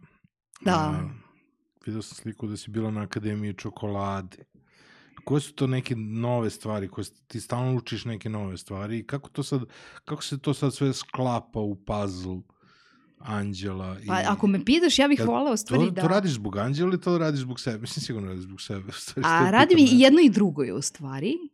Nekad zbog dece, nekad zbog sebe. Najviše zbog sebe zapravo. Recimo, mm -hmm. znaš, kada je krenula pandemija, i svi su onda krenuli mnogo da rade na sebi ovaj, ja sam bila u fazonu čoveče, znaš, daj kao samo da ostanemo normalni, kao to je mhm. jedino, to mi je prioritet bio. Uh, ali jesam instalirala Duolingo i krenula da radim francuski, zato što italijanski stvarno govorim kao srpski, potpuno tečno, mm -hmm. a francuski mi je prelep i, i užasavao me, plašio me i pokušavala sam dva, tri puta mm -hmm. da učim i bila sam očajna i bila sam sigurna da nikad, da ću radi, ne znam, mađarski ću pre da progovorim ili arapski ili tako neki jezik. Mađarski. Slušala sam ga jedan semestar na fakultetu, da, tako da. I veruj mi, s tim predznanjem sam bila mm -hmm. ubeđena pre mađarski nego francuski, ovi ljudi su kompletno ludi. Ali uh, kad si uporan, uh, nekako to krene i to ta italijanski mnogo znači kao predznanje i ja sam sada u fazi da ja mogu da ne dajem dete na privatne časove, nego da s njim radim francuski. Mm -hmm. I to me u stvari zapravo ovaj, najviše motivisalo, da kad on dođe u taj peti razred, kada bude dobio taj jezik, da ja kao budem tu da mu, mm -hmm. da mu mhm. pomognem. I stvarno ja sam uspela sama, sama uz taj Duolingo i uz nekakvu muziku, serije, čitanje i podcaste, da dođem do toga da, da, da mogu već da se snalazim dosta dobro u francuskom. Uh, međutim, uh, po, poslednja moja velika edukacija je bila master psihologije koje sam zahvaljujući pandemiji uspela potpuno online da završim. Uh, o, motiv mi je bio zapravo uh, vođenje preduzeća i taj consulting koji radim sa mm -hmm. drugim malim preduzećima, jer sam shvatila da ja sad već baratam tim poslovnim veštinama i da se to najlakše nauči, mm -hmm. ali da vrlo često ja ne mogu da dobijem rezultat zato što ta osoba nije spremna da, ra da radi, da raste, da napravi neku promenu. Mm -hmm. Tako da je to u stvari bio motiv da, da upišem tu, tu vrstu edukacije, psihologije, koju ovde nisam mogla da upišem zato što prosto kod nas je vrlo rigidno ko može da upiše psihologiju mm -hmm. i master posle nje, a u Americi je to modularno učenje mnogo više razvijeno i online učenje mnogo, mm -hmm. mnogo ozbiljnije. Um, I to mi je užasno mnogo značilo i zapravo tu sam naučila da ti kada kreneš sebe da disciplinuješ u jednoj oblasti, onda se to preliva na sve. Da li je to, lupam, sad ideš u teretanu i sad si posle 3-4 meseca već ti je telo naviklo da, da vežba, ali si ti kreiranjem te navike uh, počeo da gradiš bolje navike zaista svuda, znači i sa mm -hmm. partnerom i na poslu. Uh, čitala sam neko istraživanje koje je baš to uzelo kao primer, mm -hmm. ali su se istraživači u nekom trenutku zapitali kao da li nam je baš teretana ona adekvatan primer zato što uh, ti hormoni koji se dižu tokom vežbanja možda utiču na to da ljudi smo mnogo više elana rade druge stvari, pa ajde da probamo s nekom drugom navikom, ajde mm -hmm. radit ćemo drugu test grupu koju ćemo da učimo da štedi novac. Pa će neka treća grupa mm -hmm. da baš uči neki strani jezik. Ispostavilo se da u kojoj god sferi da nešto postigneš... Svaka nova navika proizvodi neku lančanu reakciju. Apsolutno, da. Manjeg ili većeg obima. Aha, A tek ovo sad sa basom je neviđeno, znači ne mhm. morate svirati, ne, ne, ne, ne treba svi da sviramo bas, ali uzmete da svirate šta god. Prosto... Uh, meni je, tek sad shvatam u stvari, kada hoću da uradim neki, neki pokret prstima koji nemam u prstima. Recimo ja, ja da bih uradila, znaš onaj Star, Star Trek pozdrav, mm -hmm. moram da se jako koncentrišem. Nemo, Stvarno? Evo vidiš, kreće, kreće ovaj... A ne, ja mogu svaki prst posebno. E, ja recimo to ne mogu. Ja sad radim vežbe za to Aha. i svaki put kad radiš vežbe za to, te se prosto stvara neka nova sinapsa u mozgu. To je, to je neverovatno, znači to sam ja pričao sa, sa gomilom doktora u vreme kada smo dobili klince, koliko je važno da rade bilo šta sa, sa jagodicama. I ono, koliko je važno različite teksture, da pipaju i mm -hmm. razne neke stvari i koliko je važno ono, puženje, dobar glagol, da puze. Da, da. A, I onda sam pričao sa prijateljicom koja je kiropraktičar u klijentkinjom koja je postala prijateljica, kiropraktičar iz Njujorka. No, ona rekla kao, ne kao, čak se pre, preporučuje ljudima koji su imali povrede kičme, da što više puze, jer kao bilo šta što radiš sa jagodicama, kao neverovatno ti pomaže razvoj mozga. I kao zato se čovjek i preporučuje koji da, da što više pišeš i da bilo šta što radiš ovaj, uh, bukvalno ono, da, da imaš neku teksturu pod, pod prstima. Da, tako da to je meni, ja nisam nešto naročito u fazonu mladolikosti i kao ne farbam si neke sede. Znaš, ni, nikako nisam, nisam sklona toj vrsti nekog mhm. insistiranja mm -hmm. na, na pomlađivanju meni je definicija starosti da si uh, prosto glup, ono, da si oglupeo. Znaš, da, si, da ti je dosadno. Da, da ti je dosadno, si dementan. Znaš. Ja imala sam i neku rođaku stariju koja je, koja je bila dementna i to mi je nekako baš, baš užasno, znaš, da ja kao pustim svoj mozak koji je tako jedna čudesna naprava, da on tako tavori kao jednog dana da prosto ono, unučić će sedam puta pitan koji su razredi, jer nisam u stanju da to zapamtim. Znaš. Pa da, samo pitanje koliko, koliko baš možemo da utičemo na to. Da, evo nadam, ja, ja dajem nadam, sve od sebe. nadam se da je, da je u tim ono, stimulacijama ključ.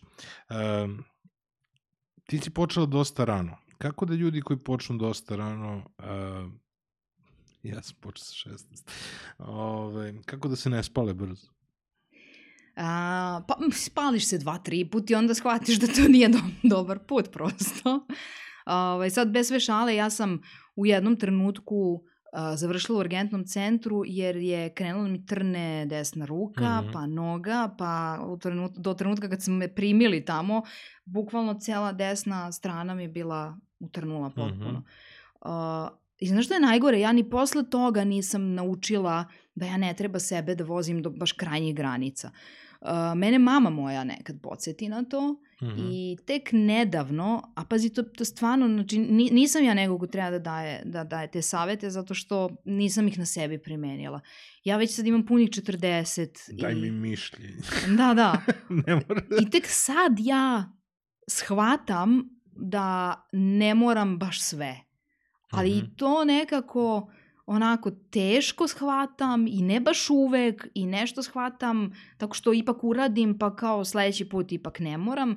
Tako da jako je dug put moj da, da shvatim da ne moram da se iscrpljujem. Mm -hmm. uh, I onda kada kada kao treba ja nešto nekome da dam savet, znaš, to, to je baš teško, to je opet, imam sad već decu koja imaju neke svoje ličnosti, stavove, mišljenja i onda tu, tu se trudim da im ne namećem kao svoj stav, nego da ja nešto pokušam da Ima s njima... Pa da, da dođemo do toga šta je njima najviše okej. Okay. Mm -hmm. A opet, uh, znaš, kad vidim da je neko sklon prokrastinaciji, što se to sad kaže, ili te odugovlačenju, ovaj, od njih, uh, pošto sam i sama bila ta, ta osoba koja se spali pred deadline-a, kao pre toga, znaš, postoje sistematični ljudi koji kažu sam imam ne znam, 5 sati posla i 5 dana, ja ću svaki dan po sat i postojimo mi koji ćemo ono 5 sati pred rok da, da, da uradimo sve u 3 sata, na primjer. Tako da, ne znam, eto, verovatno moraš da se sapleteš i padneš, pa onda sledeći put da kažeš, dobro, ne moram, što opet padnem u tu istu rupu. To je ono spaljivanje da već više ti, ono, bude ti, dokle ću ja više da radim, znaš. I ovaj, Tako da imam utjecaj, gomila ljudi koji su počeli jako rano posle nekog vremena. Nekako, mnogo, imam utjecaj da je mnogo važno da menjaš posao, da, da menjaš okruženje i da ti sam napreduješ kroz sve to. Imam utjecaj da tebi to dosta dobro ide, pa zato te pitam za savet. To je tačno, da. Ja imam ovaj... Uh, sad ćeš se smejati. Znači, sećam se još sam radila garažu. Kad sam ovaj, upoznala Boška Jakovljevića koji je tad bio neki poznati maneken i onda on rekao ovako, ja ću citirati jednu mudru ženu, a to je Jelena Tinska, a, treba raditi jedan posao 7 godina i onda promeniti. I on je, na primjer, 7 godina bio maneken, pa je onda postao voditelj, pa onda ne znam šta radio, kreator je posle nešto je kreirao, ali to zapravo nije uopšte loša životna a, filozofija. Treba menjati posao. Mm -hmm. uh, kada imaš svoju sobstvenu kompaniju koja raste, onda je tu možda lakše, ne moraš da izađeš iz brenda, a možeš da kažeš ja ću sad biti diversity manager, ja ću se sad baviti društvenom odgovornošću, ja ću se sad baviti samo timom, a nekom drugom ću da delegiram, na primjer, marketing i proizvodnju mm -hmm. i mhm. nešto. Tako da u sobstvenoj kompaniji koja raste imaš mogućnosti da sam menjaš, a, a ove što se mene tiče, da, naučila sam u stvari da ja, znaš kad me ljudi pitaju kako ti sve postižeš, ja u stvari uopšte ne postižem sve, nego ja naumim mnogo više nego što stignem da realizujem. Tako da i to možda, ovaj, to mi je u stvari mudrost još iz srednje škole, jer uh, starogrčki jezik nije samo jezik, on je i filozofija. I sećam se profesorka Spremić koja je predavala starogrčki je pričala kako ako ovde postaviš e, lestvicu, mm -hmm. verovatno ćeš doći dotle ili možda malo ispod. Ali ako postaviš ovde, čak i ako ne dođeš do nje, ti ćeš doći više nego ono što, što ćeš inicijalno postići ako, ako ti je lestvica niže. Tako da ja stalno sebi nešto dižem tu lestvicu i stalno imam neke nove projekte i onda nešto od njih se realizuje. Mm -hmm. ovaj, nešto me užasno iscrpi, a, ali eto, godine su me makar naučile da mogu da sagledam u napred koliko će to mene istrošiti mm -hmm. i mog vremena. I onda sam počela da prosto biram bitke, što se kaže, znaš, da svašta smislim, ali ne realizujem baš sve, nego ono što vidim da, gde neću da izgorim u stvari. Da, sad sam vidio ove nove studije kao da je mnogo važno da imaš što više malih stvari koji ćeš da check-inuješ u toku dana da si uradio, kao to ti stvara kao najjači osjećaj, kao da si nešto uradio, kao razbiju što više sitnih stvari, kao onda ćeš samo, samo da štikliraš stvari celog dana. Pa da, napravi, ako, uh, napravi to do listu i onda odmah prvu stvar. da, da, da, onda odmah prva stvar. Um, potpuno pošten posao. To je onako složenica koju si sama izrekla u nekom od podcasta. Šta je za tebe potpuno pošten posao? Pa, znaš kako, moj tata je govorio, on je takođe bio preduzetnik. Uh, kada ga pitaju ono, šta je njemu najveći uspeh ili kada ga prosto ne pitaju, nego kad on priča o nekom mm -hmm. ko ima nešto, a neko nema nešto ili neko ima, a on nema, on kaže, Znaš šta, meni je najvažnije uveče kad legnem da ja mogu mirno da spavam. Mm -hmm. I mi kao deca nismo baš shvatili šta je tata hoće, dakle što ne bi mirno spavao, nikoga ne dira uveče nek spava, ali zapravo taj san pravednika, taj san gde te, te, ti nemaš grižu savesti, to je potpuno neprocenjivo. Taj san da ti znaš da si ispoštovao svog kupca, svog partnera, eh, svog zaposlenog, da sebe samog nisi slagao, to mislim da je potpuno ono neprocenjivo. I to postigneš tako što ako nešto staviš u kolač, napišeš stavio sam to na deklaraciji. Ako ne staviš, ne napišeš da, da, da si stavio, znaš. A ne kao stvari koje viđam kao bez glutena, onda okreneš s druge strane, može sadržati gluten. Pa kao ja, ako je bez, kako može, da. Ili ne znam, bez dodatog šećera, onda okreneš s druge strane čokolada pa u zagradi sastav. Šećer, maslac, kakao, nešto, nešto. Znaš, tako da ovaj, mi stvarno to što piše to jeste i to što jeste to piše. Uh, imamo sasvim otvoren odnos uh, sa zaposlenima, s kupcima, uh, nekad kad nešto zeznemo mi kažemo mm -hmm. jeste, zeznuli smo ovaj, nije nam dobra ambalaža ili nije dobro nešto, tako da, ovaj, znaš da je najviše zeznemo u stvari, to, to, to je, malo nas je i onda nekad pomešamo poručbene, na primjer. Takve stvari se dešavaju, pa sad kažemo, dobro, kao zeznuli smo, šaljemo drugom šaljemo nešto drugo ovaj, ili šaljemo to isto ponovo. Mm -hmm. Tako da to je mislim da znači, to, to za mene u stvari znači pošten posao. Mm -hmm. I da kad te deca pitaju, to je ono, objasni mi u jednoj rečenici, znaš, ti sad kao šta mama radi i vrlo jasno u jednoj rečenici možeš da kažeš pravim zdrave kolače koje svi vole da jedu. I onda to oni prepoznaju i posebno su slatki kad dođu i kažu, e, neko je danas jeo anđele, a mi ga ne poznajemo. a, i njima su sjajni ti koji, koji oni ne poznaju. Da, da, ili kao vide prvi put ono kad kao, sad navikli su da u Maxiju vide nešto što je brand kao i onda kao prvi put kad su videli anđele, pa ne mogu da veruju, pa su ono, ti donela i stavila sad ovo ili ovo inače stoji da, kako, ovde. Kako to funkcioniše, da, ceo proces. Tako da, ovaj, i onda vidiš kroz njihove oči u stvari da to sve što radiš, to ima smisla, jer oni nekako, koliko god da možeš da, imaju amerikanci tu izlaku, izreku fake it till you make it, možeš da fejkuješ, da, da se mm -hmm. praviš pred kolegama, drugim ljudima, na društvenim mrežama, ali nekako kad te te male otvorene iskrene oči pitaju nešto, pa ja ne znam kakav moraš da budeš čovek da bi slagao rođeno dete, stvarno. I onda kad oni pitaju, a ti odgovoriš i prosto si ponosan na to i vidiš da oni hoće da učestvuju u tom poslu, onda, mm -hmm. zna, onda znaš da je to stvarno prava stvar. I onda možeš da budeš ponosan u svakoj, zapravo, u svakom koraku tog puta. Tačno. Bez obzira koliko si veliki, ne moraš da ono, fake it you make it. Možeš da budeš ponosan na, na svaki taj korak, to mi je isto jako zabavno u svem ovome. Uh, ne, jedan deo nisam, ovaj, uh, gledao sam, mnogo su mi se dopalo na ova dva razgovora koji si imala sa Sonjom i onda ste samo načeli blagu temu uh, da muškarci i žene žele različite stvari u biznisu. I taj deo niste objasnili do kraja. Šta je ono što žena želi od biznisa?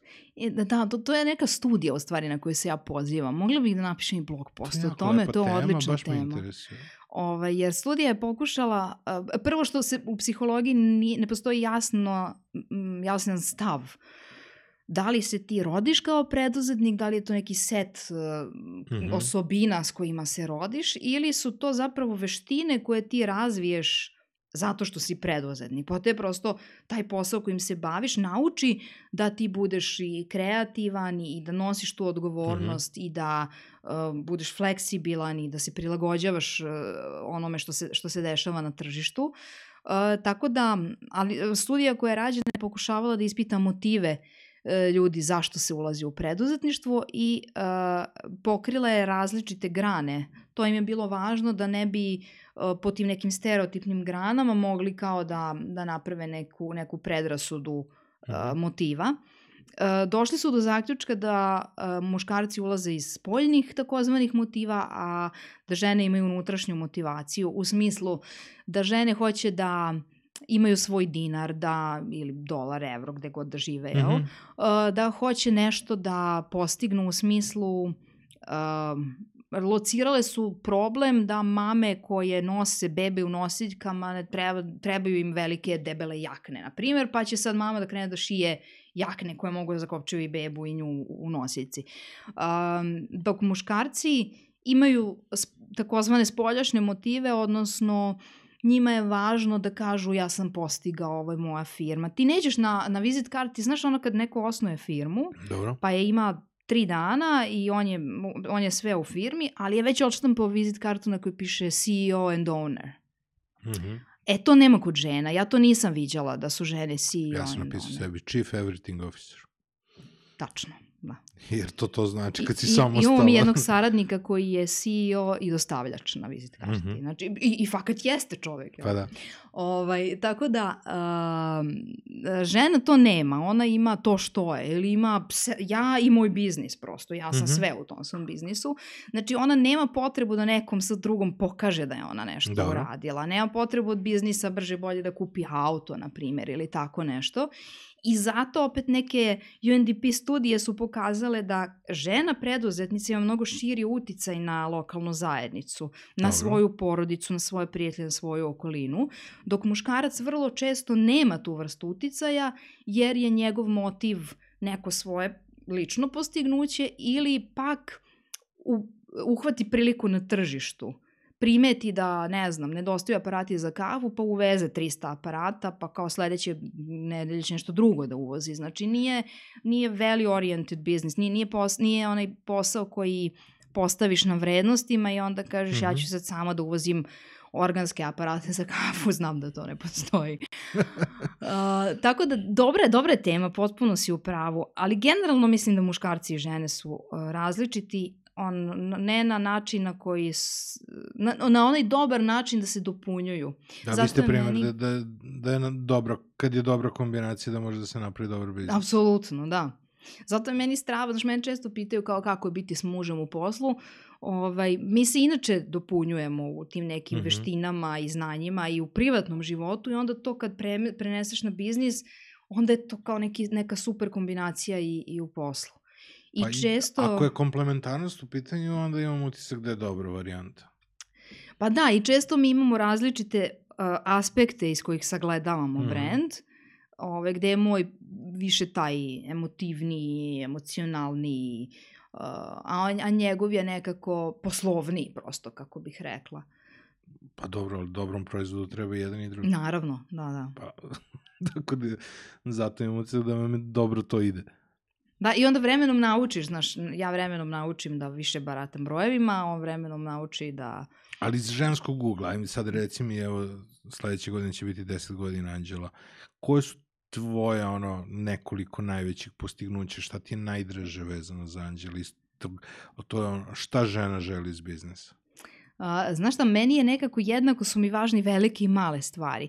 E, skoro je e, neka žena pisala da, poručivala je Anđele, pa je onako bez pitanja, prosto sama je rešila mm -hmm. da napiše zašto ona to poručuje, zato što je skoro se porodila i doji i onda je zaključila da su ti kolači super za za laktaciju, kao njoj, njoj je mm -hmm. strava, daju energiju i podstičuje pravljenje mleka i to je meni kao potpuno bilo ono strava. Zato što ovaj, jedan od tih mojih uh, nekih projekata u glavi koji nikako da se realizuje zato što prosto je niša previše mala jesu upravo kolači za mame koje doje. Mm -hmm. Znaš, a opet mi je uvek glupo da napravim kolač za mame koje doje zato što je bilo koji od ovih anđela ili ekstra barova kolač za mamu koja doje. Znaš, mm -hmm. pun je ovsa koji podstiče stvarno laktaciju i koji nekako... Uh, na potpuno zdrav način, ono kao da mami osjeća nešto lep ukus i slatko je, a opet ovaj, um, uradila je, pojela je nešto što ima smisla. Uh, I onda kad tako neki ljudi prepoznaju takve mm. stvari koje ja nikad nisam ni izgovorila ni napisala, to je meni baš nekako, nekako fantastično. To kada vidim da kupuju deci za užinu roditelji, pa im onda ne daju nekakav džank, nego im daju anđele za, mm -hmm. za mhm. užinu, to mi je nekako baš super. Kao rešili smo nekome problem, a pritom deca ako to stvarno pojedu, Znaš, oni su ti najiskreniji kritičari, oni ne mogu da ti kažu ma lepi su kolači kao pa da ih pojedu na silu, zato što oni ne jedu stvari na silu, oni prosto jedu šta vole. Mm -hmm. uh, tako da to nekako, te sitnice mi znače... Patronažne sestre bi vam bilo najbolji agenti prode. da, zapravo, zapravo da. Kada Ove, e, a s druge strane neke važne stvari, na primjer kad vidim, ono, danas sam recimo bila u proizvodnji pa vidim uh, koliko se naši zaposleni međusobno uh, poznaju, mm -hmm. zezaju, podržavaju, odu na koncerte neke zajedno ili tako neke stvari, znaš, rade van posla. Nekako kao to je, to je stvarno baš velika stvar da uspeš da napraviš tim koji godinama radi mm -hmm. i ja mislim sad, možda je ovo potpuno suludo, ali ja mislim da se to osjeća i u proizvodu. Znaš, da ga nije neko ono smržnjom otaljao, nego da stvarno neki zadovoljni ljudi prave te kolače. Pa sigurno postoji neki kumulativni efekt. Kroz, kroz sve to o, ovaj, što ste uradili. E, često se priča o tome da, e, da deliš svoje znanja i često si to pomenulo. E, pre dve godine sam želeo da pokrenem jedan proizvod i onda sam te pitao ko ti radi, ovaj, ko radi različite tipove ambalaža. Odmah sam dobio odgovor od tebe, tako da ovaj, mogu i to da potvrdim. E, koliko se, e, navela si onaj jedan primer kao na, na početku kada su ljudi te pitali, koliko se to dešava da ti ljudi pitaju za mentorstvo i koliko pomažeš drugima da pokrenu svoje proizvode? Uh, u poslednje vreme m, moram čak i da odbijam mentorske programe mm -hmm. koji me zovu, zato što uz anđele mm -hmm. i decu kojima sam takođe kao neka vrsta mentora, i smarača i mentora u isto vreme. Kolače anđeli uz porodične anđele. da. Uh, I uz nešto što ja volim da radim, a to je i dalje taj francuski, to je sad postoji taj bas i neke stvari koje kao ponekad poželim da pročitam, na primer. Uh, tu ne ostane baš mnogo vremena. I onda je mnogo lakše kad radiš mentorstvo s nekim koji je u okviru nekog programa, zato što u programu taj neko dobija nekakve druge nekakve druge obuke na koje onda ja ne moram da trošim vreme. Znači, mhm. -huh. neko drugi s njim uradi biznis plan, biznis canvas, šta god, nauči ga nekim osnovama marketinga, osnovama nekog brenda ili brandinga, a onda mu ja dođem tu kao neka vrsta nadogradnje i u stvari mnogo više u mentorstvu radiš sa samom osobom nego, uh, nego, nego što je govori šta, šta i kako treba mm -hmm. da mhm. radi. Mnogo je veća umetnost da ta osoba sama u stvari dođe, dođe do toga. Uh, imam između ostalog i zbog ličnih, iz ličnih ono, motiva se uh, često odazivam tim nekim programima koji daju podršku jako mladim ljudima, jer ponekad kad čovjek čita vesti postane potpuno očajan i misli da živi u nekoj užasnoj zadratoj sredini, a onda uh, upoznam kroz tako neke mentorske programe, neke fantastične ljude sa fantastičnim idejama i onda ti bude jasno da u stvari Nažalost, za njih nema mesta u vestima mm. i ne mm. treba niko nikad više da čita vesti, jer i kad ne bismo čitali vesti, onda vada i ne bi pisali te budalaštine koje su klikabilne samo da bi skupljali klikove. Uh, tako da i mentorstvo je dvosmerna ulica i ja rastem iz tih odnosa i učim o njima. Mm -hmm. I prvi put ću ove godine biti u ovom m, programu koji se zove kreativno mentorstvo i nekako baš se nekako radujem, to mi je neki sad sledeći izazov. Mm -hmm. Meni, mentorstvo sjajna stvar. A, šta se dešava u 11 na Zoomu? U 11 na Zoomu? Da.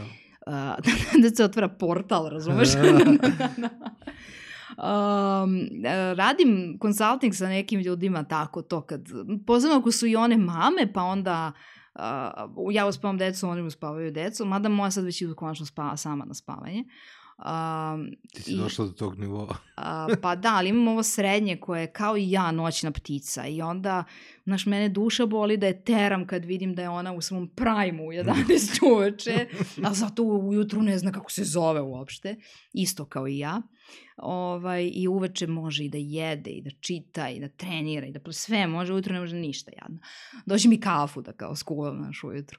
Ali uh, uveče uglavnom tako kad se završe te dnevne obaveze i onda sednemo da se zoomiramo i onda sve to što inače na sastanku deluje uštogljeno ili u radno vreme si opterećen još nekim drugim stvarima, onda uveče tako u čašu vina, na primer, onda pljušte sjajne ideje. Tako da to, mi, to sam, sam sad počela da primenjujem, znaš, u tim mentorskim stvarima, onako prvo bojažljivo kao ispitaš s kim imaš posla.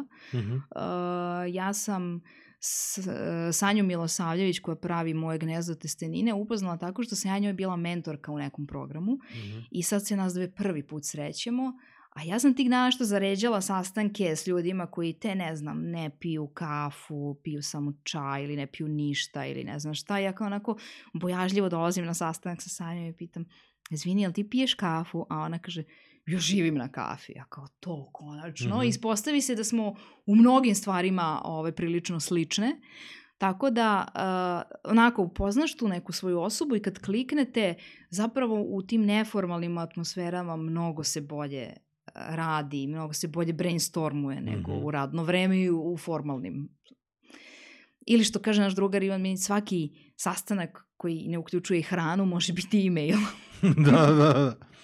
Da, pa najbolja knjiga za networking je Never Eat Alone. E, da, apsolutno. Mm. Uh, ali interesantno mi je da su zapravo to, to o čemu pričaš sada prepoznale i i velike organizacije. Ne znam da si probala nešto od ovih novih stvari, Space-ovi na Twitteru ili Clubhouse, koji isto to samo otvorenog tipa. E, zapravo nisam. Je to upravo da- namenjeno da... za te stvari, da, znaš, ali kao da, da bude malo onako otvorenog tipa. Da... Duolingo je recimo imao, to je aplikacija kroz koju učim francuski i uh, imao je... I mene smaraju za italijanski, da sam prestao na pola i kao... Da, da, da, i tužni su, sova je tužna. Ja, sova je tužna da, da. uvek, što ja nemam. Kako te emotivno ucenje. Ali nikako da se unsubscribe-ujem sa toga, znaš, kao nekako Nešto što me oni podsjećaju, kao mogu bi da se vratiš. Pa da, da, jer kao planiraš tužno, i dalje. Znaš, kao gde sad još više da je rastužim, znaš, kao ne mogu. Ja sam francuski baš preko Duolinga počinjala 3-4 puta i sad sam na nekom tipa, ne znam, 500-600 dana imam mm -hmm. neprekidnog rada, ali negde u decembru prošle godine, kada sam inače, mi inače najviše obaveze imam u decembru mm -hmm. svake godine, ali meni m, psihički jako značilo uh, da se tada odazovem Duolingu, jer sam ja, uh, ja kad se posvetim, onda sam ja baš treber. Ja sam bila u nekih 3% ili 5%, čak mislim 3% kao najštreberskih nekih učenika po toj mm -hmm. njihovoj statistici. I pitaju oni mene uh, da li bih ja bila domaćin nekog virtualnog događaja preko Zuma. Joko, pa ajde, zašto da ne? Pa snimite vi nama samo malo kako pričate taj neki. Ja hoćete, koji hoćete, engleski, italijanski, kao italijanski im više uvek treba. I ja lepo snimim i uh, meni je toliko značilo tih nekoliko Zoom seansi gde su potpuno nepoznati ljudi upadali ja kao definišem temu. Naprimjer, kako se slavi pra, ti zimski praznici u vašoj zemlji. Pa sam pričala sa Argentimcima, Nencima, Englezima, mhm. Špancima, mm -hmm. sa ljudima koji su, ne znam, devojkom koja iz Jordana živi u Italiji pa tek uči italijanski. Znači, poenta je da ti kao domaćin barataš jezikom, mm -hmm. a ovi drugi mogu biti raznih nivoa zato što prosto i samo slušanje tebi pomaže da, da učiš. Uh, I to je onako došlo u trenutku kada smo svi bili zatvoreni, kada je sve bilo i putovanje nemoguće i bilo kakva druženja nemoguće. Ti se jednom virtualno družiš s nekim ljudima iz cijelog sveta na italijanskom. Potpuno ludilo. Tako da, da, ako je nešto pandemija dobro donela, to je onda to. te neke neverovatne digitalne mogućnosti. Ja, ja sam našao neku novu platformu koja je sad kao plasirana i za Beograd, što ne znam zašto, zato što te povezuje sa ljudima širom sveta i bukvalno imaš da se prijaviš za dva razgovora nedeljno i on ti izabere prema tvojim nekim preferencijama kao koje dve osobe i kao u kom, u kom terminu ti odgovara i kao imaš dva, dva nova networkinga nedeljno. I baš se zove Lunch Club. Ono. Tako da je to, to isto ono, interesantno, ali mi ovo, ovo mi je interesantno kao koncept, ta varijanta kao kad se sve završi u toku noći, kao da imaš neko mesto da se iskuliraš, znaš. I koliko to u stvari bolja varijanta kada je to sa ljudima koji ti prijeju da bude neka brainstorming sesija. Pa da. Ako mogli bi da, da razmislimo o nekom, nekom, nekom alatu ono, koji bi bio super. Nadam se da nije uslo samo vino, mogu da bude razne druge. Pa nije, recimo opcije. imam i neki book club koji nešto isto zamro, uh mhm. -huh. treba da živne ponovo. Ovaj, to, je, to sam od uvek htela da imaš pre pandemije, znaš da kao mi čitamo jednog meseca jednu knjigu i onda na kraju meseca se skupimo pa pričamo o toj knjizi. Zato što mhm. -huh. ja sam ti od onih to je vjerojatno ni 3% ljudi koji su uživali onim časovima kad se analizira, kad se analizira lektira. Mm -hmm. Kao ja jedva dočekam to, da pi, pričam šta je pisac hteo da kaže, a drugi, ono, pola razreda ne, ne pročita, a ovaj, ostatak se smara na tim časovima. Ali meni je to uvek bilo fantastično i imamo uh, par drugarica koje se tako okupe pa analiziraju knjige. Jedna živi u Kuvetu, onda ona jadna i nema vino, mm -hmm. zato što kod njih ne postoji u prodeji. Zabranjeno je.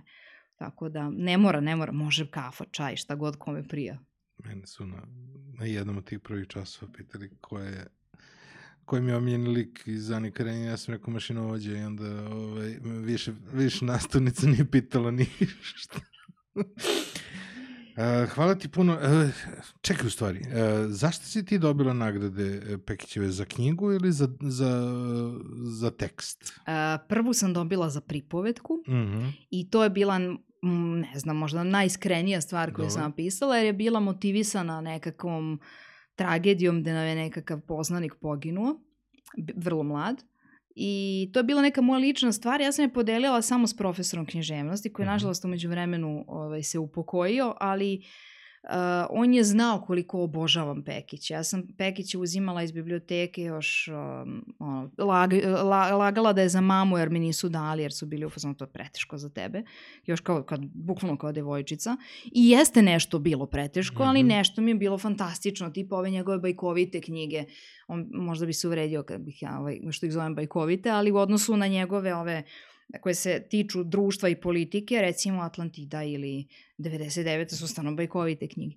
Uh, uglavnom, znao je koliko ga volim i znao je da je konkurs pod šifrom i da neću ni znati da je on poslao ako mhm. ne dobijem, a ako dobijem računao je da će se oduševiti zato što je Pekić u pitanju, imao je i pravo. I to me čak ohrabrilo da sledeće godine sama pošaljem i to u zahtevnoj formi za, za, gde sam aplicirala za esej i dobila nagradu za formu mm -hmm. eseja. Tako da mi je onda uh, Leget je podržao u stvari štampu moje te prve knjige i jedine za sad pripovedaka i um, to je nekako bila, bila ovaj moja mnogi ljudi koji više nisu s nama u svom životu podsticali da pišem i ja se nekako uvek tome vraćam na kraju, znaš, da je šteta što ne pišem ili da je šteta što ne pišem nešto što ima više smisla, više sadržaja, jer... Šta sad želiš da napišeš? A, ja dve stvari želim, jedna je... Rekli smo da podcasti ostaju zabeleženi u vremenu. Pa, čisto to je ta, pa dobro i knjige, i knjige trenutku... ostaju, da, one su ako, ni, ako je nešto pre... Ne, ali sad želim da, da kažeš svoju želju da bi ostalo zabeleženo. Aha, da bi ostalo da bi podcastu, Ti kad da. se podsjetiš nekad. Tačno, tačno, upravo si i hvala ti na tome. Dakle, uh, jedna je ova uh, knjiga konkretnih stvari, ne znam kako to bolje da definišem, zato što nisam sigurna da li je to nekakav priručnik za preduzetništvo ili za nekakav set veština. Priče ili... iz prakse. Pa da, ili su to možda priče iz prakse. Mada tu me bude trapavo. Skoro sam čitala nečije priče iz prakse od kojih sam baš mnogo očekivala i onda sam se prosto razočarala. Možda ja im previsoka očekivanja. Ali volela bih da jednom... Možda ti nije isto praksa. I to. ovaj, dakle, da jedna knjiga bude takva neka praktična stvar, mm -hmm. a da druga bude nešto čime se bavim već neko vreme. E, izražujem neku ličnu svoju istoriju ovaj, e, po ženskoj liniji, po maminoj liniji. E, imam vrlo, vrlo interesantne pretke i to je potpuna m, tragedija što neko već nije od njih seo i zapisao to, zato što to su onako neki, neki baš životni, životni, e, životne priče koje su za romane, zaista. Mm -hmm. Ovaj, a nekako, čak ne moram nikad ni da to objavim, meni bi nekako značilo da ja mogu da čitam nešto što je moja baba možda pisala, tako da računam možda nekoj tamo mojoj unuci ili praunuci će to biti isto tako zanimljivo da čita nekakve, dok još imam koga da pitam od tih živih predaka, ovaj, dok još mogu to da zapišem. To mi je nekako druga stvar koju želim da napišem. Eto, sad imaš i podsjetnik za sve. Hvala ti. hvala tebi. Hvala ti što si bila ovde, hvala ti što si sa nama podelila priču. E, kada budeš imala nešto novo, svrati e, i bilo šta novo, šta, šta želiš. E, voleo bih da, da mi ljudi prosto svraćaju i da, ih, da prvo pitanje bude šta ima novo. E, hvala ti na tome i uh, sad već posle gostovanja u nekoliko mm -hmm. podcasta mogu da ovaj, da budem sigurna da ljudi zaista slušaju podcaste i da ih slušaju do kraja uh, i da ih čak nekad slušaju i više puta ako, ako je nešto što neko priča ovaj, stvarno smisleno. Da, potrebna je navika, potrebna je navika da se slušaju podcasti, potrebno je opuštanje, da nije važno da, da čuješ sve, znaš, nije to film gde će neka radnja da se ovaj, da se prekine, potrebno je da, da ljudi jednostavno da, da mogu da se vrate, ne moraju da se vrate, a, potrebno da imaju te neke aktivnosti, jako mnogo ljudi mi priča kao, ali ja to samo slušam kad se šetam, ili ja to samo slušam kad perem suđe, ili kad nešto radim.